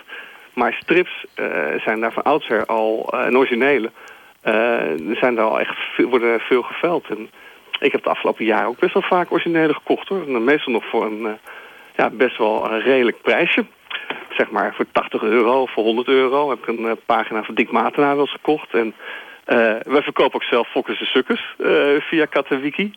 Eh, alleen dat er nu in één keer een heel album wordt eh, verkocht is echt wel, eh, wel bijzonder. het, is, het is een verandering van, van nou ja, de, de, de laatste 10, 20 jaar dat ineens veilingrecords worden gebroken met strip. Vro- Ja. Vroeger was dat toch niet zo iets dat dat echt in galeries en veilingen en antiquariaten op waarde werd geschat. Nee, het is, het, het is waarschijnlijk, ik denk zelf, maar ik heb het niet onderzocht, onderzocht, maar ik denk dat het te maken heeft met de crisis en dat de mensen vooral vanuit beleggingsoptiek en uit, uit redenen om geld te verdienen, de afgelopen tien jaar hun geld hebben gestopt in die originele. Origineel is natuurlijk iets, eh, ja, is heel schaars. Er is maar één exemplaar van meestal. En eh, je weet, de afgelopen jaren zijn die prijzen zo ontzettend omhoog gegaan. Als jij tien jaar geleden een origineel van uh, had gekocht voor 30.000 euro... dan heb je hem nu vertienvoudigd, had je er 300.000 euro voor kunnen krijgen. Dus als je nou zo'n origineel koopt van Suske Wiske voor misschien, weet ik veel, 1000 euro of 1500 euro... wie weet dat er ooit nog wel eens iemand is die er nog meer voor gaat bieden. Want jij zei aan het begin van ja, het zijn de fans, maar ik kan me niet voorstellen dat een, zeg maar een, een doorsnee Suske en Wiske fan nu echt heel erg geneigd is om eh 1000 euro voor een pagina eh, neer te leggen. Nee, wat je eigenlijk al een beetje zegt, het is handel geworden. Het is handel, ja. Net ook voor als- veilinghuizen, die krijgen natuurlijk ook een eh, percentage. En, en je kunt je voorstellen, er is al in, in de kuifje wereld wordt er al gezegd van ja, maar die, die, die vooral in Parijs bijvoorbeeld, eh, de, de, daar zijn speciale eh ja, en eh, hoe heet het, veilinghuizen die vooral van Hergé dingen verkopen. En die kloppen dat dan vaak in de media op van weer een pagina voor 2,5 ton weg. En dan blijkt uiteindelijk dat het toch dat in een hele veiling zit waar heel veel dingen onverkocht blijven. En dat er uiteindelijk misschien wel eens nu het moment zou kunnen zijn dat er een, eh, een keerpunt is. Dus dat die, die originele helemaal niet dat opbrengen. Wat misschien beleggers denken dat ze gaan opbrengen. Brengen. Oh. Dus dan moet, dan moet je het echt gaan kopen omdat je het mooi vindt. Weet je wel, Ja. Een mooie pagina. Dat is leuk. Dan hang je aan de muur en dan kijk je ernaar. Dat is ook wel leuk. Dat kan. Dat, dan wordt het Suske en Wiske en de Sepert van de zeepbel, zeg maar. eh. ja, het, is- ja, het is een soort... eh ja, en dus Quisk en de tulpen... ja, Tulpenmanie. Hm, dat, dat is niet zo erg Dat is niet zo allitererend. maar daar, daar verzinnen we nog wel wat, eh, nou, wat maar- op. Maar daar kun je het wel mee, eh, mee, eh, mee vergelijken. Want de, de werkelijke waarde van zo'n origineel... Ja, dat, dat is wat een gek ervoor geeft natuurlijk. Je hebt zelf ook voor een bijzonder doel iets te koop aangeboden, begreep ik dat goed? Nou ja, toevallig volgende week... ik zei al dat Katowiki is vanuit stripfans. En er is een van de stripmensen uit het eerste uur... die eh, heeft voor zijn broer, die heel erg ziek is... een Katowiki-veiling eh, georganiseerd... waarin heel veel andere Nederlandse stripmakers ook hun originele aanbieden. Maar voor veel minder geld dan het geld van Suske Wiske. En de hele opbrengst van die Katowiki-veiling... die gaat naar eh, de broer van Joop Scheurs. Die heeft MS en die gaat een dure operatie krijgen. En dat doen eh, Mark Retera doet er aan mee van Dirk Jan en Alois Oosterwijk. En Daan Jippes heeft een origineel beschikbaar gesteld. En nog wat, nou, een heleboel eigenlijk. En eh, ja, men hoopt ook op die manier eh 100.000 euro op te halen. Het is jullie gegund. Dankjewel. Jean-Marc, dankjewel en een goede nacht. Ja, jij ook Pieter. Doei.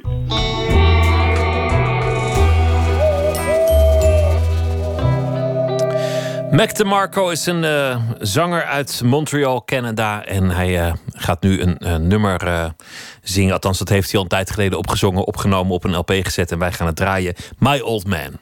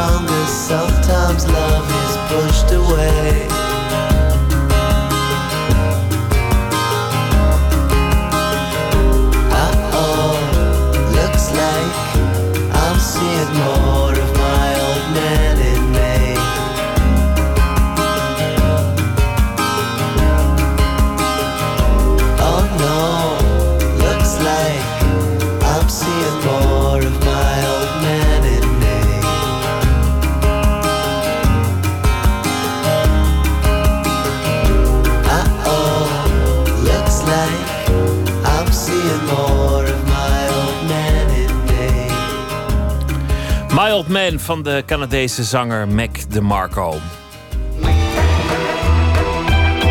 Nooit meer slapen. Lang voor de huidige migrantentoestroom was er natuurlijk migratie. Het is van alle tijden, het is er altijd in de geschiedenis geweest. Fotograaf Judith Kwaks houdt zich al jaren bezig met het thema. Deze week presenteerde ze op een bijzondere plek in Amsterdam een nieuw project rond de dromen van migranten. Verslaggever Eliane Meijer sprak met haar. Ik vroeg van, wat kan ik voor je meenemen? En ik dacht veel meer aan, eh, misschien wilde dat ik pinda's meeneem of eh, slippers. Of, nou ja, ik, ik had eigenlijk geen idee. Maar toen zei hij tegen mij van, ja, wil je zand voor me meenemen? Toen fotografe Judith Kwaks aan een Senegalese vriend vroeg wat ze voor hem uit zijn vaderland zou kunnen meenemen, antwoordde hij: zand. Zand uit de heilige stad Touba. Dat heb ik voor hem gedaan en dat, dat heeft hij toen ingevouwen in een papiertje. En dat heeft hij opgevouwen met, met plakband of een pleister of zoiets eromheen. En dat droeg hij altijd bij zich. Zand uit het vaderland. Het leidde tot de titel van een project over migratie. Soil in My Pocket. Waarvoor Judith Kwaks samenwerkt met kunstenaar Ellet Heitjema en dichter Miek Swamborn. Dus dat vond ik echt een heel erg mooi gegeven. Dus daar hadden we het toen over. En toen dachten we, soil in my pocket. Ehm, ja, dat, dat vertelt eigenlijk wel heel erg veel. Soil, vaderland, de herinnering en, en het verlangen naar je vaderland. Het is ook iets wat heel sterk is. Wat eigenlijk alle migranten, ja, die, die zullen dat herkennen. Ik ben eigenlijk wel heel blij mee. Ik vind het een hele mooie titel. Dagen brachten ze door in het archief van het iFilm Museum. Op zoek naar beelden die laten zien dat ook wij Nederlanders ooit gelukzoekers waren. Al researchend zijn we, zijn we erop uitgekomen dat eigenlijk nog maar 100 jaar geleden heel veel mensen vanuit Amsterdam ook nog eens een keer over het ei met de boot eh, vertrokken naar Zuid-Amerika. Ook gewoon om daar een rooskleuriger toekomst eh, tegemoet te gaan. Dus 100, nog maar 100 jaar geleden was er genoeg reden om, om, om eigenlijk Amsterdam ook te verlaten. Om te kijken of er ergens anders eh, op de wereld een plek is waar, waar het beter is.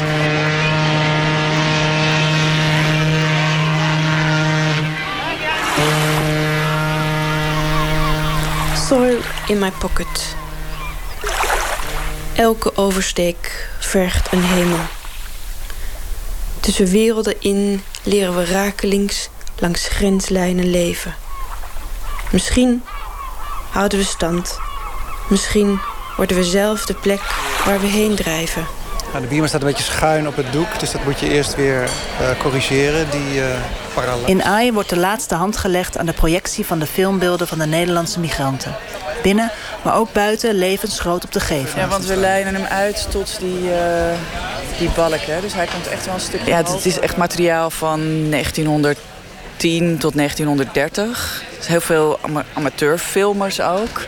Dus mensen die op reis zijn gegaan en het leuk vonden om dat te filmen. We hebben heel veel opnames van zee. Van, ja, want het duurt zes weken. Je bent zes weken onderweg. Dus duurt het, je bent eindeloos zie alleen maar water. We hebben zoveel mogelijk uit, uh, vanuit het perspectief van de migrant gekeken. Van wat zou die zien?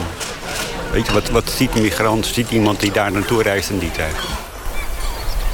Dagenlang spoelen vierkante golven even vluchtig als opvarende vaart het schip rond. De haven vergeet ons. Wat zouden de gedachten zijn geweest van de vertrekkers, die met ernstige gezichten aan de reling staan? Hun situatie is niet te vergelijken met bijvoorbeeld vluchtelingen uit Syrië zoals we die nu kennen, maar iets deed hen verlangen naar een andere, een betere wereld. Sommigen zouden die gaan vinden, maar velen ook niet, vertelt Judith Kwaks. Ik ben al heel lang bezig met migratie vanuit Senegal. En daar vertrekken mensen ook niet omdat het oorlog is. Die zaten ook zingend uh, zaten ze in, in een vissersbootje. Alleen is het, uh, is, het, is het anders afgelopen. En waar ze zijn terechtgekomen is ook minder rooskleurig dan ze hoopten. Maar ik denk ook voor veel migranten die hier vandaan vertrokken. Die brieven zijn we ook wel tegengekomen. Dat mensen aankomen in Zuid-Amerika. En dat het eigenlijk uh, één grote teleurstelling. Dat er echt heel veel armoede was. En dat, ze, nou, dat het echt ook anders was dan ze zich hadden voorgesteld. We staan nu voor het AI en we zien aan de overkant het Centraal Station van Amsterdam. Um, dit is het ei en dit is dus ook het stuk water waar de mensen vertrokken. Ja.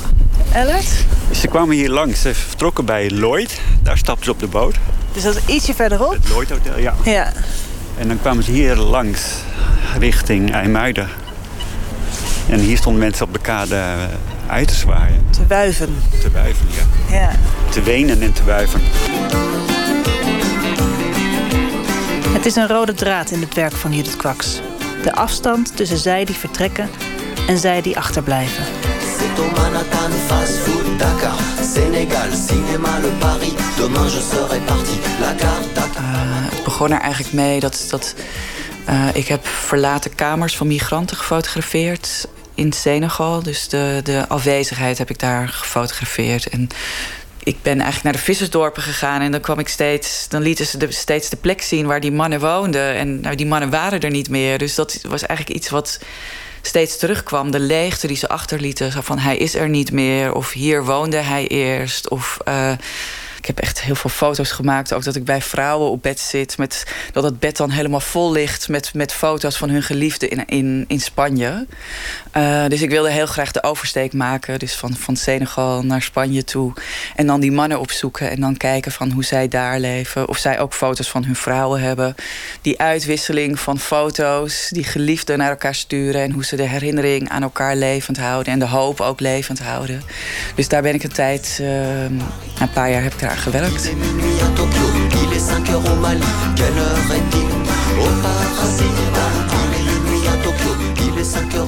Dat thema komt ook in haar eigen leven heel dichtbij. Als moeder van Noah, van wie de Senegalese vader in New York woont. Uh, dit is West-Europa. Je hebt met kaarten gewerkt in 2014? Of heb je met een navigatiesysteem Ja, nee, ik heb eigenlijk met kaarten gewerkt. Ja, ja. Een paar jaar geleden reed Judith Kwak samen met haar zoontje, die toen vier jaar was, in een oude Mercedes van Amsterdam naar de hoofdstad van Senegal. Dakar. Ik hou heel erg ook van op elkaar te kijken en dan de route uitstippelen. En ik dacht, het is ook leuk om met mijn zoon gewoon s'avonds in de hotelkamer dan samen op bed te zitten en te kijken van nu zijn we hier en dan gaan we daar naartoe. Dus dat hebben we ook echt veel gedaan. En ik, ik merkte voor hem dat die kaart en de route uitstippelen, dat was echt uh, ongelooflijk goed houvast. De, die rode weg vol. De rode weg? Ja. En waar komen we dan uit? Ehm, dan komen we bij een hotel, bij een hotel gratis. Een gratis hotel. Twee maanden deden ze erover. En onderweg overnachten ze bij familie en vrienden. Senegalezen die net als Noah's vader uit Afrika vertrokken met hoop op een betere toekomst. Met een camera op de achteruitkijkspiegel legde Judith de reis vast.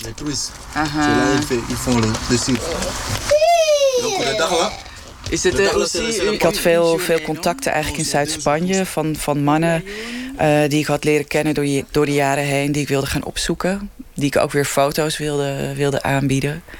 Eh, en ik wilde, ik wilde eigenlijk ook kijken of zij spullen hadden voor mij ook om mee te geven. eh, voor hun vrouwen dan weer in Senegal. Dus op die reis was ik echt een koerier. Ja, kinderkleren, eh, foto's ook wel. Dus je kreeg tassen vol mee. Ja, ik kreeg echt koffers mee, tassen mee. Ja. Dus jouw Mercedes was gewoon afgeladen met Ja, die was spullen. afgeladen. Ja, toen we in, eh, gingen de grens over eh, naar Mauritanië. En de wegen werden echt steeds slechter. En die auto die was steeds lager gaan hangen ook, omdat die zwaarder beladen was. Dus ik heb in, eh, toen we aankwamen in, eh, in Noord-Mauritanië, toen, zijn we, toen hebben we een Senegalese monteur opgezocht, een Senegalese garage, en die heeft de auto opgehoogd, zodat, we, zodat het, dat hij niet meer zo laag over de weg eh, hing. En Ja. het was waarschijnlijk al niet een hele nieuwe auto. Nee, het was helemaal geen nieuwe auto. Heel oud zelfs. Hij was 32 jaar. Kon ik niet zo lang bij dat als we nu nog een paar uur rijden, 2,5, 3 uur, dan zijn we in Agadir. Ja, ja dus het is, wel echt, het is wel echt een hele bijzondere reis die we samen hebben gemaakt. Na Soil in My Pocket wordt het volgende grote project van Judith Kwaks... om van al het foto- en filmmateriaal dat ze tijdens de reis naar Dakar verzameld heeft... een film en een boek te maken. En wie weet waar haar volgende reis haar brengt. Nou ja, het, het voelt soms, als je de, de nieuwsberichten eh, over migratie ziet, voelt het soms als. ehm, voelt het ver weg van dat, dat, dat, dat zijn mensen van een ander continent. Dat gaat niet over, over ons, Europeanen. Nou, voor mij was het in ieder geval een eye-opener om, om, om te zien dat nog maar heel kort geleden wij ook vertrokken. En wie weet dat. eh, Weet je, wij hebben die reis eigenlijk in de tegengestelde migratierichting gemaakt. Maar het is tegelijkertijd ook wel een idee waar ik mee speel. Van, weet je, voor Noah is het zijn familie, eh, zijn vaderland eh, is Senegal. Maar het is ook dat ik denk van, nou, misschien is het ook gewoon wel interessant om te bedenken om daar een tijdje te gaan wonen. En misschien liggen daar wel kansen die. eh, ja, interessante kansen die hier niet zijn, maar daar wel. Eh, het, lijkt in één keer allemaal veel meer in beweging te komen of te kunnen komen. Het hechten aan wat we niet weten raakt verward met alles wat op ons afkomt. Al klaart het op in ons. We blijven altijd daar waar we vandaan komen. De laatste woorden waren van dichter Miek Swamborn... die de teksten schreef bij het eh, filmproject van Judith Kwaks en Ellert Haitjema. En de titel daarvan is Soil in My Pocket. Tot en met 7 maart te zien in het AI-museum... eh, en ook op de gevel van dat eh, gebouw. Moet je wel verwachten tot het donker wordt. Laura Marling met het nummer Wildfire.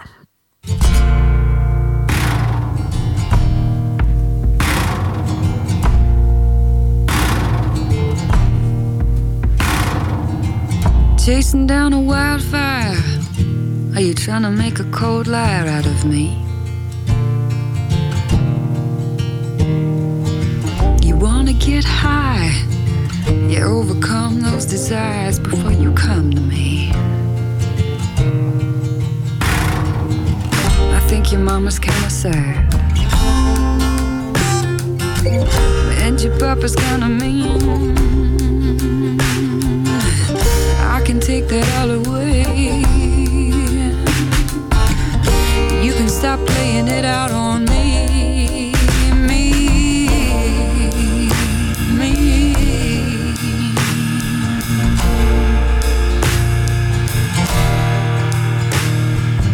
She keeps a pen behind her ear in case she's got something she really, really needs to say. Puts it in a notepad She's gonna write a book someday.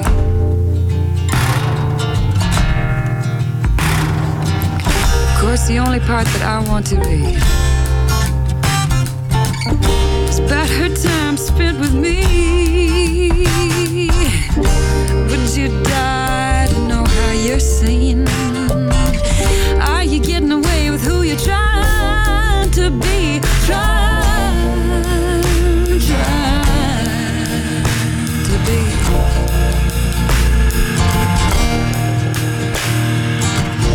Course, things upon the earth that we must really try to defend.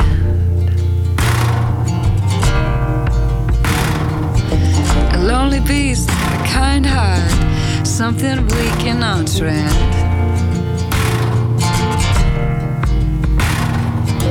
I do it all for her for free.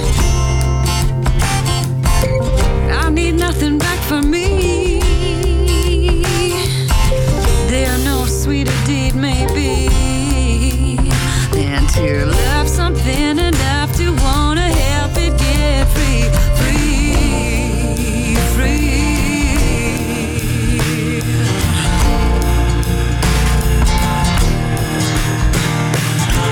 Is there something on her mind? Something she needs to get by? Do you cry sometime? Do you cry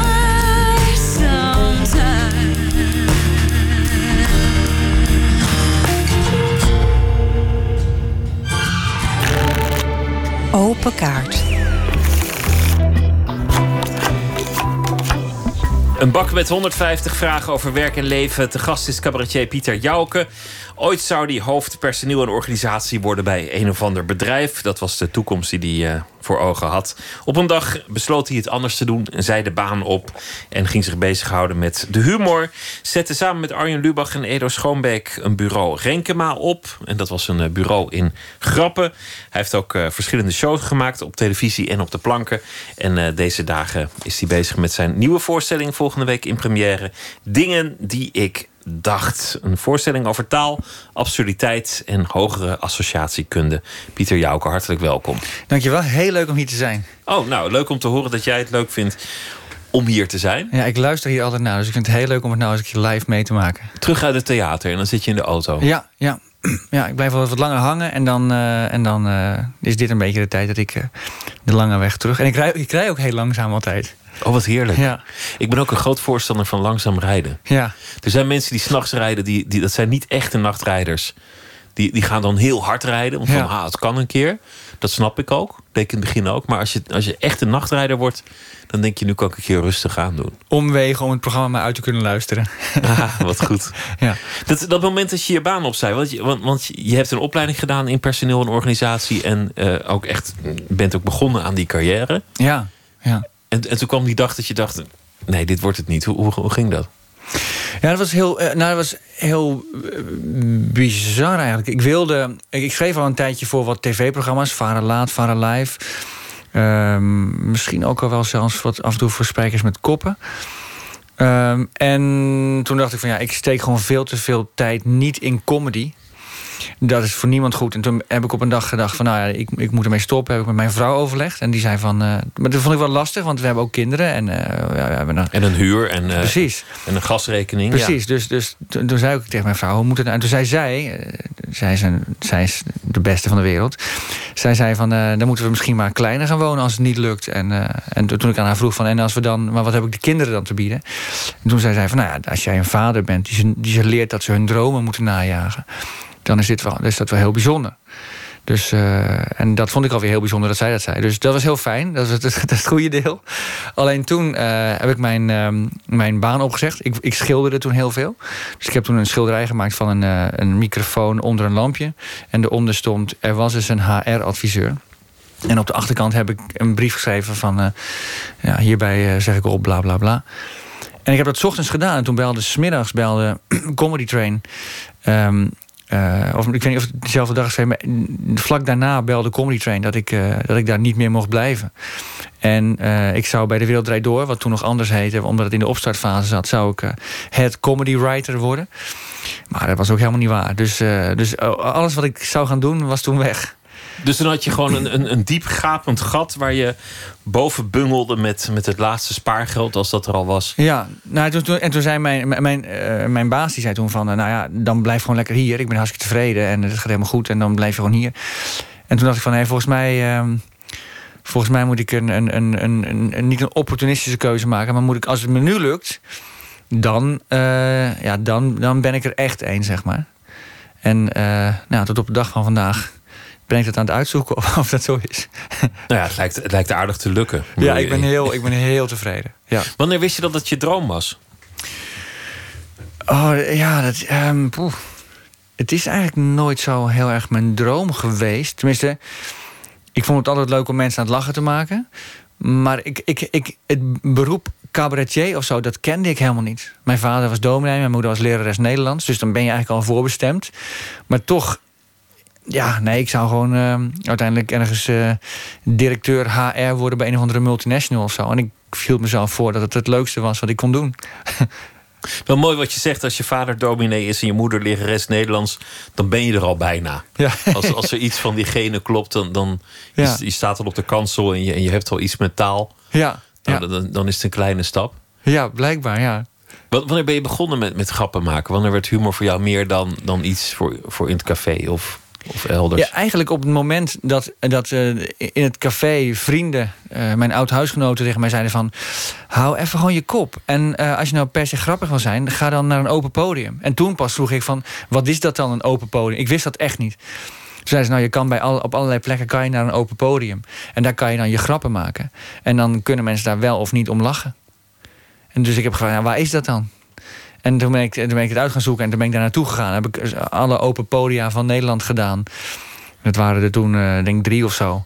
En, en, en dat vond ik helemaal te gek. Vond ik helemaal te gek. Ik heb ook mensen echt, echt nou, nog net niet dood zien gaan op zo'n open podium. Oh, dan ben je waarschijnlijk bij een voorstelling van mij geweest.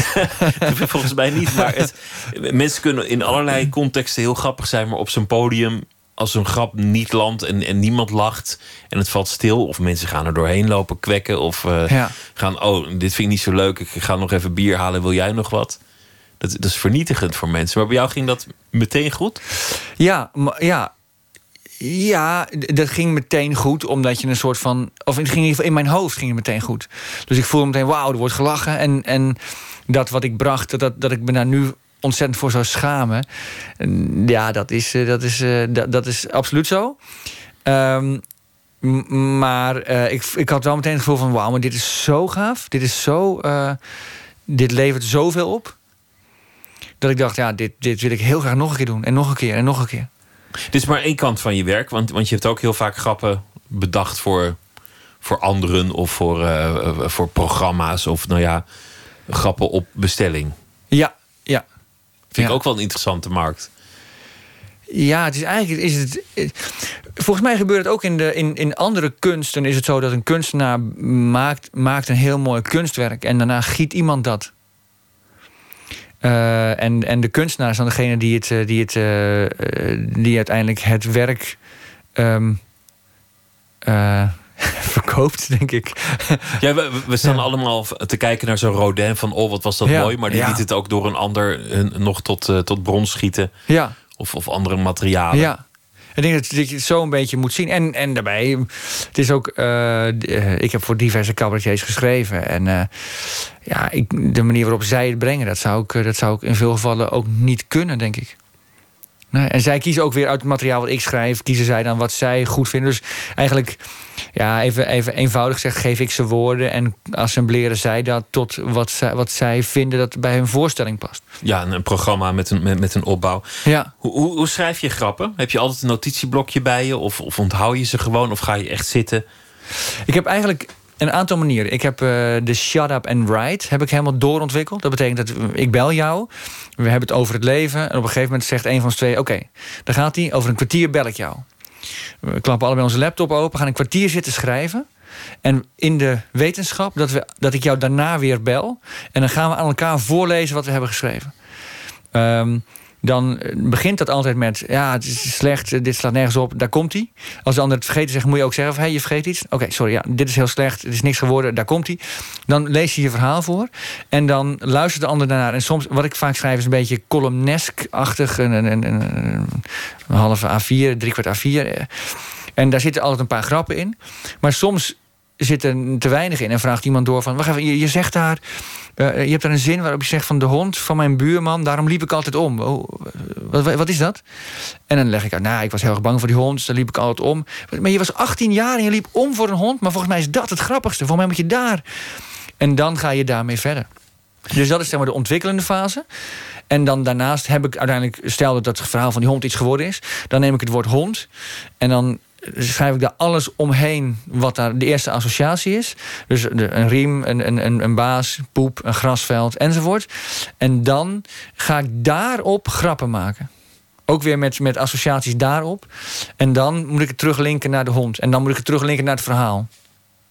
Zo, nou. En vertel eens over de, over de vo- volgende voorstelling. Dingen die ik dacht. Welke thema's zijn daarin... eh welke hebben de voorstelling gehaald? Ehm, ehm, nou, die, de, voorstelling die ik nu heb gemaakt, die eh, begon ooit ehm, met het idee van. eh, ik heb, ik heb heel lang heb ik geprobeerd om mensen in mijn zaal te krijgen. Om, om een cabaretier te zijn. Maar er zijn tijden geweest. Dan was mijn moeder commercieel gezien een betere cabaretier dan ik. Het kostte haar namelijk geen geld. Oké, ze trad ook niet op, maar het kostte haar ook geen geld. En, en eh, ik wilde eigenlijk daar wilde ik, het, wilde ik het over laten gaan. Maar nu, eh, sinds een, paar jaar, gaat het eigenlijk ehm, eh, st- steeds beter om een aantal redenen. Er komen wat meer mensen naar de voorstelling. En ik zie veel meer dat, dat, dat, dat je niet moet laten afleiden door het aantal mensen wat naar jouw voorstelling gaat ten opzichte van het aantal mensen wat naar iemand anders een voorstelling gaat. Omdat het gaat helemaal niet om, om, om nu, het gaat uiteindelijk om wat ik kan maken en of mensen daar, individuen daar plezier uit halen. Ja, er zijn ook cabaretiers die in, in, in de, in de Ziggo Dome staan. Ja. En, en de volgende stap zal zijn in een, in een voetbalstadion. Dat Ja. gaat ook nog wel een keer gebeuren. Ja, vast en zeker. Ja. Het is er van harte gegund. Het is, het is een gegund, maar dat Ja. wil niet zeggen dat je daarmee de meest waardevolle voorstelling aller tijden hebt gemaakt. Of, eh, of, of dat dat de waarde van jouw bestaan. Nee, het, het zou wel definieert. kunnen overigens, natuurlijk. Maar, eh, maar, maar het, het is niet hetzelfde. Het, het, het hoeft niet per se zo te zijn. En ik zoek op dit moment zoek ik vooral. Ben ik vooral op zoek gegaan. eh, in, in mijn vorige voorstelling heb ik altijd gedacht: het moet een cabaretvoorstelling zijn. En nu denk ik meer van: nee, het, het zijn gewoon dingen die ik heb bedacht die ik heel belangrijk vind. En die wil ik heel graag aan mensen vertellen. En. ehm, eh, en dat is wat ik gedaan heb. En dat, is, dat werkt zoveel beter. Ik sta met zoveel plezier op het podium. Ik geniet er met volle teugen van. Dus er zit gewoon één persoon extra in de zaal en dat ben ik. Mooi. Ja. Hier is de kaartenbak. En eh, ik wil je vragen om één vraag te trekken. Trek er eentje uit het midden. Mag ik hem zien of wil jij hem zien? Of, Eh, nou, ik heb hem nu gezien, maar... Ja? maar Lees ik hem voor? Ja. Heb je een levensmotto? Wat leuk, wat een leuke vraag. ja, ik heb een levensmotto. Oh, wauw. Ja. Eh, en dat heb ik overgenomen van eh, eh, mijn twee beste vrienden. Ze wonen in Nieuw-Zeeland. En ze werken heel... ze zijn heel wijs. En van hen heb ik geleerd... ehm, everything in moderation, including moderation. Dat wil zeggen alles met mate, inclusief deze regel. Ja, dat is alles... niks ten overvloede. Zelfs niet eh, het eh, niks ten overvloede. Ja, precies. Dus, dus, dus, dus, dus ehm, ehm, nou, het, heeft, het heeft voor mij met, met tevredenheid te maken. Wees tevreden met datgene wat er is. En spring af en toe uit de band. Dat is geloof ik wat het is. Maar niet de hele tijd uit de band springen. En ook niet de hele tijd eh, te gematigd zijn. Nou ja, je, je moet weten waar je uiteindelijk het doel ligt. Je kan vandaag al je geld uitgeven. Maar als je doel een lang en gelukkig... Het leven is een marathon. Je kan beginnen met een sprint. Maar dan word je ingehaald door andere mensen halverwege. En, en ook door jezelf zou je niet zijn gaan sprinten. En ik ga de marathon helemaal eh, lopen en van iedere kilometer genieten. Want je ben- bent ook een, een, een enorme hardloper. Hè? Daar ging een van je vorige voorstellingen over. Ik ben een, een, een enorme matige hardloper, ja. Dat vind ik, vind ik per definitie iets onmatigs, een marathon lopen.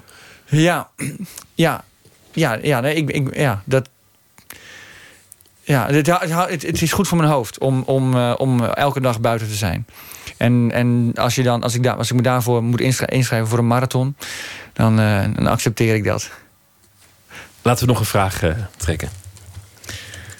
Eh, Zal ik hem eerst aan jou laten zien? Ja. Dat je weet dat ik niet te liegen.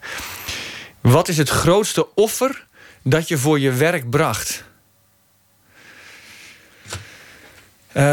Poeh, dat is een goede vraag zeg. Ehm, het grootste offer dat ik voor mijn werk bracht. Nou, een zekere mate van paniek ten aanzien van de familiefinanciën lijkt Ja. me een offer. Ja. Ja, hoewel ik daar met mijn vrouw, eh, als je, als je iemand hebt die zo stabiel is en die zoveel vertrouwen uitspreekt, dat dat ehm, al bijna niet eens meer eh, expliciet als offer voelt. Ik denk dat het grootste offer is wat ik voor mijn werk breng, is dat ik eh, op momenten dat ik liever thuis zou zijn, ga, ga optreden. Dat je nog de deur uit moet terwijl je denkt: Goh, maar even niet. Nee, nee, nee, nee. Ik denk altijd, yes, ik mag. Nee, ik, heb, ik, ik hou ontzettend van optreden. Maar ik heb ook twee lieve kinderen en, en, en ik heb een lieve vrouw. En als ik dan eh, op zaterdag eh, met mijn zoontje aan de voetbal ben geweest... en, en mijn, mijn vrouw en mijn dochter komen terug van paardrijden... en we zitten gezellig te lunchen, dan zeg ik... hey, ik ga naar mijn technicus, ik ga alles inladen, we gaan die kant op. En dan heb ik altijd wel... dus De zaterdag, dan zijn we al samen en dan moet ik daaruit. En... en eh, nou, mijn, mijn kinderen zeggen wel eens tegen mij: Ben je vrij vanavond? En dan zeg ik ja. En dan zeggen ze yes. En dan denk ik van: Oh ja, dan, dan pas besef ik hoe ik word gemist. eh, hoe ik hopelijk word gemist. eh, op de avond dat ik er niet ben. Laten we nog één eh, vraag eh, behandelen. Aha. Wat is belangrijker, inspiratie of transpiratie? Transpiratie. ja. Gewoon werken, buffelen. Talent en, daar, en je daar echt voor inzetten. Als ik iets heb geleerd, is dat het wel. Ja. Want een goede ingeving maakt nog geen goede voorstelling. Een goede ingeving kost heel veel. Als je, als je, als je daar met heel veel liefde aan werkt, dan wordt het, wordt het briljant. Als je een goede ingeving houdt wat het is, dan, is het, eh, dan, dan zullen mensen, als je hem uitspreekt in theater, denken: goede ingeving. In plaats van dat het hun wereld, of, hun, of nog beter, hun kijk op de wereld verandert. Veel plezier met eh, de voorstelling eh, Dingen die ik dacht. Woensdag 22 februari is de première in de Kleine Comedie in Amsterdam. En waar ga je nog meer spelen? Ik speel nog morgenavond in Idea Soest. Donderdag in Laren en. zo- Sorry, eh, vrijdag in Laren en zaterdag in de Periscoop in Gorkum. Ik wens je heel veel plezier, Pieter Jouke. Dankjewel. Dankjewel. James Carr was een eh, grootheid in de Amerikaanse soulmuziek. Overleed in 2001 en dit nummer heet Dark End of the Street. at the dark end of the street. That's where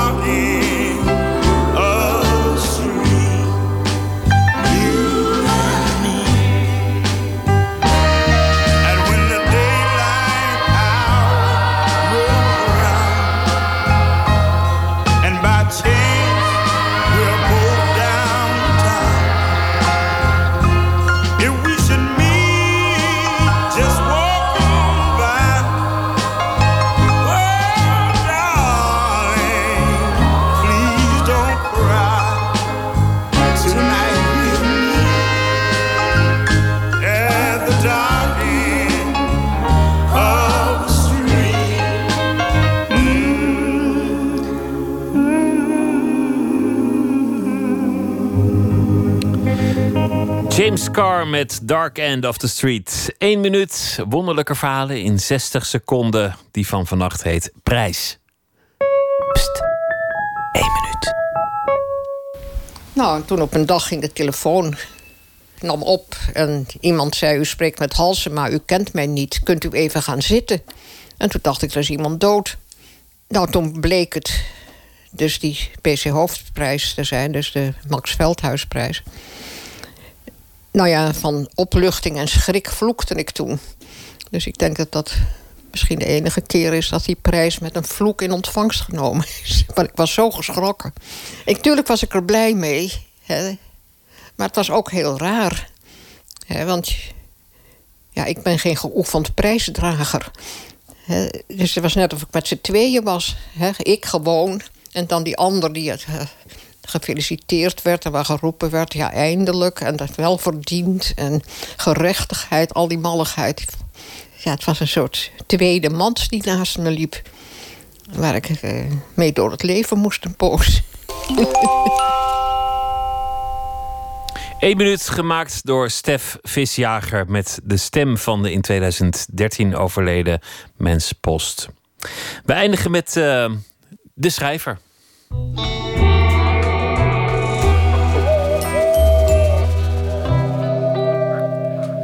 Thomas Heerma van Vos is deze week onze vaste schrijver... die elke dag een beschouwing zal voordragen... bij de dag die alweer is verstreken. Thomas, goeienacht. Goeienacht, Pieter. Ja, het was een mooie dag, vond ik. Ja, dat eh, ben ik wel min of meer met je eens. Ik eh, heb voor het eerst in tijden weer op een uh, ontdooid voetbalveld zelf kunnen voetballen. Het was een beetje een lentedag en er was ook nog mooi voetbal op tv. Ik ben wel een voetbalkijker, daar ga ik verder vanavond niet over hebben. Maar eh, het was een prettige dag en goed gewerkt overdag. En eh, ook nog met een schuin oog, uiteraard, eh, ook voor dit programma naar de, de krantenkoppen eh, gekeken. En daar wil ik het wel over hebben. Toch weer die Amerikaanse politiek. En dat is niet omdat ik daar zo'n natuurlijke enorme interesse in heb... maar dat is omdat ze ons met ge- geen dag eh, met rust laten. Nee, het is, En, eh, eh, eh, je, je valt van, de, van, de ene, van het ene avontuur in het andere avontuur. En ja, het, het, het is een beetje alsof je, alsof je een auto hebt gekocht... waar elke dag een onderdeel van afvalt. Ja, en, en, en op een, een groteske manier... nou ja, als ik dit een jaar geleden als fictieverhaal had verzonnen... dan had geen uitgever het willen uitgeven. Maar eh, eh, juist daarom eh, blijf ik het ook zo graag lezen. Dus daar wil ik het toch weer over hebben. En dan over één speciaal element. Ga je gang. Toch nog even, ik zei het net al, over de Amerikaanse politiek. Die ik met een zeldzame mengeling van leedvermaak, ramptoerisme en wanhoop blijf volgen. Vandaag ging mijn interesse vooral uit naar die Rusland-Amerika-band. Natuurlijk. Maar ik bleef ook maar nadenken over de zogeheten nucleaire voetbal. Dat beruchte voorwerp. Ook wel de button of de black box genoemd. Dat iedere Amerikaanse president altijd verstopt in een tas bij zich in de buurt hoort te hebben. Om, ook als hij niet in het Witte Huis is, een nucleaire aanval te kunnen beginnen. Tijdens het bewind van Obama was het nooit helemaal duidelijk wie deze voetbal nou droeg. Waar hij zich wanneer bevond. De voetbaldrager van Trump liet zich afgelopen weekend uitgebreid en duidelijk herkenbaar fotograferen op Trumps, waarom niet, privé-eiland in de buurt van Florida. Voor iedereen met veel geld toegankelijk. Er kwam protest, zoals bij vrijwel alles wat rondom de Trump-regering gebeurt. De voetbaldrager zou nu te makkelijk herkenbaar zijn, traceerbaar en dus chantabel. Zou gevaarlijk zijn. Wat mij vooral opviel was hoe tevreden die voetbaldrager op al die foto's stond die gemaakt werden. Hoe trots, zonder enig spoor van gêne of angst. Als ik zelf, in een andere carrière uiteraard, zou worden aangewezen om zo'n wapen te dragen, zou ik in permanente stress verkeren. Nu al controleer ik buiten de deur voortdurend of ik mijn sleutels bij me heb, waar mijn portemonnee is. Bij iedere treinreis denk ik zeker vier keer dat ik mijn OV vergeten ben. Als ik ook maar een halve dag zou moeten passen op die nucleaire voetbal, zou ik doorbranden van zenuwen. Ik zou de deur niet meer uit durven. En de apparatuur angstig tegen me aandrukken. Dat kun je zorgzaamheid noemen. Je kunt het ook uitleggen als onvermogen om met macht om te gaan. De Amerikaanse politiek presenteert zichzelf de laatste tijd meer dan ooit als een nadrukkelijke, onafhankelijke macht. Tegen journalisten in, tegen rechters in. En ach, waarom niet gewoon met wapens pronken op foto's? Juist om te onderstrepen, hier zijn we. Dit is ons wapen. Wie maakt ons dat? De afgelopen tijd heb ik te vaak gezien dat wie het hard schreeuwt gelijk krijgt. En vervolgens de macht in handen neemt. Maar tegelijk laat ik me troosten, juist deze dagen, door de gedachte dat dit slechts om de buitenkant gaat. Zulke foto's, dat aanhoudende Twittergeschreeuw van Trump, dat figuren zoals hij en deze voetbaldrager vooral bezig zijn met die buitenkant. En dat er ook ondoorzichtige machtsstructuren bestaan die geleidelijk in het geweer aan het komen zijn. Zoals nu gebeurt, binnen de Republikeinse Partij. En dat uiteindelijk toch ook meestal geldt, hoe schreeuweriger dat uiterlijk vertoon, hoe meer achterliggende paniek men probeert te overschreeuwen. Dankjewel, eh Thomas, voor deze beschouwing. Ja, een, een stressvol gegeven als je die bal bij je hebt. Vooral de dag dat je de codes moet gaan prijsgeven en weet wat er, eh, wat er el- elders op de wereld gaat gebeuren met die codes. Lijkt, lijkt, me, lijkt me een hondenbaan. Het lijkt me een vreselijke baan. Maar deze, deze, deze man, die heet Rick. En die stond dus eh, lachend op alle foto's. Die haalde er zo'n enorme eh, zichtbare trots, of ik meen de trots te zien, uit. Die, die, die vond het volgens mij wel de baan van zijn leven. Die had het lot van de wereld in zekere zin permanent bij hem in de buurt. Maar het is, het is een klassiek gegeven, want Trump wil alles anders doen. Dus die komt met, met nieuwe mensen, nieuwe namen. Niet te ervaren, want dan gaan ze het weer hetzelfde doen. Maar ja, het is toch een vak dat je moet leren, dus die, die lopen allemaal vast. Dus dan, dan is waarschijnlijk of helemaal stuk lopen de volgende optie. Of toch ervaren krachten binnenhalen die het weer min of meer hetzelfde doen als de vorige. En dat betekent eigenlijk dat dit soort revoluties zelden kans van slagen hebben. Of je het Ja, nou maar- inhoudelijk ermee eens bent of niet, maar het, het, het is toch, kom je uiteindelijk min of meer op hetzelfde uit. Dat denk ik ook, uiteindelijk. En ik denk ook dat dat voor velen, ook voor mij, nu geruststellend zou zijn. Maar, maar wat je eigenlijk aan het begin net zei, is dat het een vak is. Dat is geloof ik een gedachte die bij Trump en de zijnen nog niet heel erg is doorgedrongen. En waar geloof ik niet heel veel aandacht voor is. Want als je nagaat, nou ja, ik, wat ik net zei, ik probeer me er enigszins in te verdiepen. En dan wel van achter mijn computerscherm. Ik ben zeker geen kenner. Maar eigenlijk iedereen die hij aanstelt heeft nauwelijks ervaring. En inderdaad, daar, daar zit dan de belofte omheen van het helemaal anders doen. En het, nou ja, het, het ambachtelijke, het vak, dat, eh, ach, dat, dat komt dan wel of dat komt helemaal niet. Maar dat, dat staat op tweede of derde plaats. Maar dat zal geen één grote idealist in de geschiedenis, of het nou ter linker of rechterzijde is, ooit zeggen. Che Guevara hoorde je ook niet zeggen: regeren is een vak, want dat, dat schakelt de revolutionair bij voorbaat uit. Ja, en dan vallen de toehoorders misschien ook weer een beetje in slaap. Ja, dat, schakelt, dat haalt heel wat kracht weg. Nou, het is wel spannend om te volgen. En eh, ja, ik, ik hoorde het woord impeachment al in de eerste commentaren verschijnen. Dus eh, dat eh, het lijkt mij nog niet aan de orde, maar het is spannend. Ja, en dat zal blijven gonzen, denk ik, dat woord. Thomas, dankjewel. Goeienacht. Goeienacht, Pieter. De frontmannen van Mos, El Pino en de Volunteers, Marien Dorlijn en David Pino, deden mee aan een eh, muziekproject in een cabin. En dat was eh, min 30 graden in Canada in een huisje. En dan moesten ze daar een nummer schrijven. En eh, de band heette Tika. En dit nummer kwam eruit voort. For better or for worse.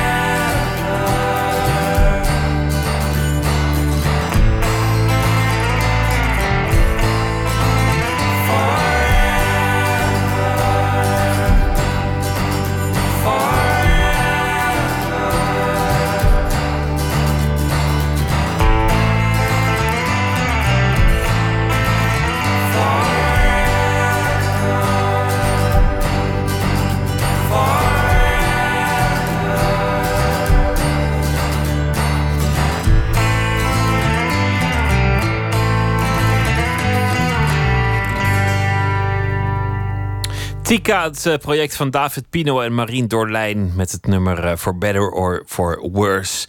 Marien komt morgen ook eh, te gast in Nooit meer slapen om te praten over het nieuwe album van zijn andere band Mos. Kluun komt morgen ook op eh, bezoek naar aanleiding van zijn nieuwe roman DJ. Een verhaal over DJ's, over Las Vegas, over vechtscheidingen, vriendschap en verraad. En ook over eh, wanneer je het nou echt gemaakt hebt in het leven en wanneer niet. Een boek vol zelfspot en humor, maar dat bespreken we morgen allemaal. Tot morgen. Nu een goede nacht.